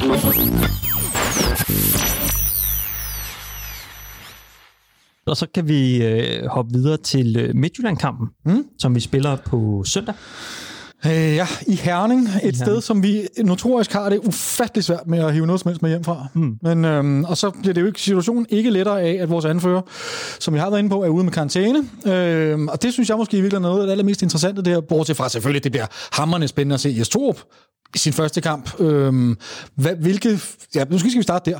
Hvad, hvor, hvordan tror I, og tror I overhovedet, man kommer til at kunne se Jes Torps impact fra day one, eller bliver det, eller bliver det mikrojusteringer, vi ser i starten? Altså, øh, nu har, har vi to, David, jo været ude at se træningen i dag, og øh, det ligner, at vi i vores pokalkamp mod Avarta øh, stiller med de seks forreste som vi også stiller på søndag, det vil sige øh, Stage og, og Falk inde i midten, det vil sige Darami og Victor Fischer på kanterne, og Vind og Vilcek op foran.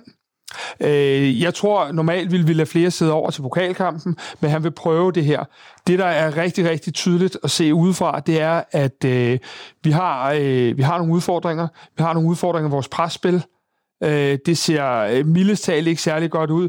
Camille har ikke specielt mange højintense løb i sit pres. Nej. Øh, hvad hedder det? Jonas Vind bliver nok heller aldrig Superligans bedste presspiller, og så presser de ikke særlig meget samtidig. Mm. Så vi har ikke særlig meget konsensus i vores pres lige nu. Det er noget af det første, jeg tror, at Jes Torup han skal ud og kigge på, at vi får, øh, at vi får vores presspil bedre afstemt. Øh, for det har været en mangelvare, og det gør, går hele vejen ned igennem banen, øh, så vi også får nogle defensive problemer på den konto. Øh, jeg er ikke i tvivl om, at Stage starter ved siden af Falk, hvis han ellers klarer sig OK igennem Avarta-kampen. Og så vil jeg så sige lidt kontroversielt, at øh, det godt kan Emil Vilcek blive ved med at score, for hvis han ikke gjorde det, så ville jeg hellere have øh, Mikkel Kaufmanns øh, aggressive Pieters pres op foran, mm. øh, i stedet for Vilcek. Men Vilcek bliver på banen, så længe han laver mål. Ingen kommentar til det. det er alle, alle er enige. Jeg, jeg er meget enig, fordi det er det, man, man ser virkelig, virkelig få, som du siger, Kasper, øh, højintense løb. Og det er bare, det, vi ser helt anderledes ud, når, når Mikkel Kaufmann får lov til at presse. Okay.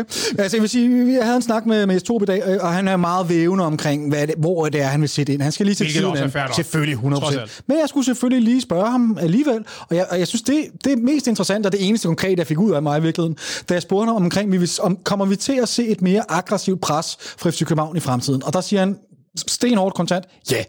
Øhm, så, så det, og det tror jeg, det går jeg ud fra, som du også er inde på, Kasper. Presset vil vi kunne, formentlig komme ud se en forskel på øh, det højintensive, øh, højintensive pres, starten helt op for angriberne. Mm. Der tror jeg, vi kommer til at kunne se en forskel øh, allerede øh, ja, mod Og det, giver, og det giver også rigtig god mening, fordi at, at vi har ikke lige så mange kampe. Det, det, er ikke, det tager ikke lige så hårdt på hele den her kæmpe trup, vi har med uendelig mange backs. Altså, vi, vi har masser af spillere nok til, at vi kan køre et øh, forholdsvis højt øh, øh, højintens pres. Må, må, må jeg lige høre med, fordi det eneste, jeg er jo enig i Kaspers øh, med de, med de seks offensive, og det defensive giver sig selv, og målmanden også, så det, det, det, det, det virker som om, den giver lidt sig selv. Det, jeg sidder og tænker lidt på, som jeg nogle gange har tænkt på med FCK, jeg synes, vi har nogle spillere, der nogle gange er lidt bedre, når de kommer ind, end de er fra starten. For eksempel Darami. Hmm. Man kunne måske også tage Kaufmann i, i den rolle. Ikke? Hvordan, hvordan, hvordan ser I på det her? Har I også nogle gange sådan, at I næsten hellere vil se en anden starte, og så kunne komme ind med noget x-faktor med Darami? Eller tror I så meget på ham, øh, måske især mod Midtjylland, at I vil gerne have ham til at starte ind? Hvad siger I til, til den? Helt personligt, så, øh, så har jeg svært ved at se alternativerne. Fordi jeg er fuldstændig enig i, at Darami virker som en bedre indskifter, i hvert fald lige nu.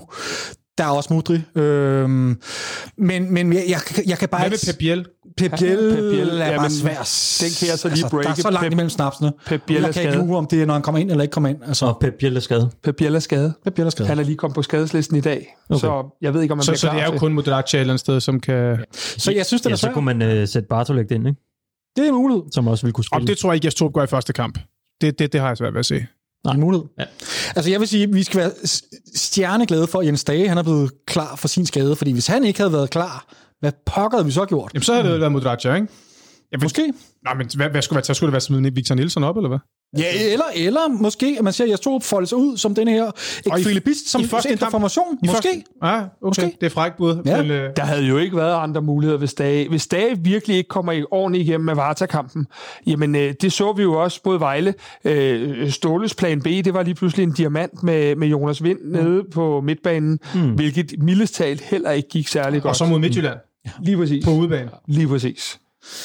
Hvad, øh, I den situation, vi er i lige nu, skal vi være glade for at slippe fra Herning med et enkelt point?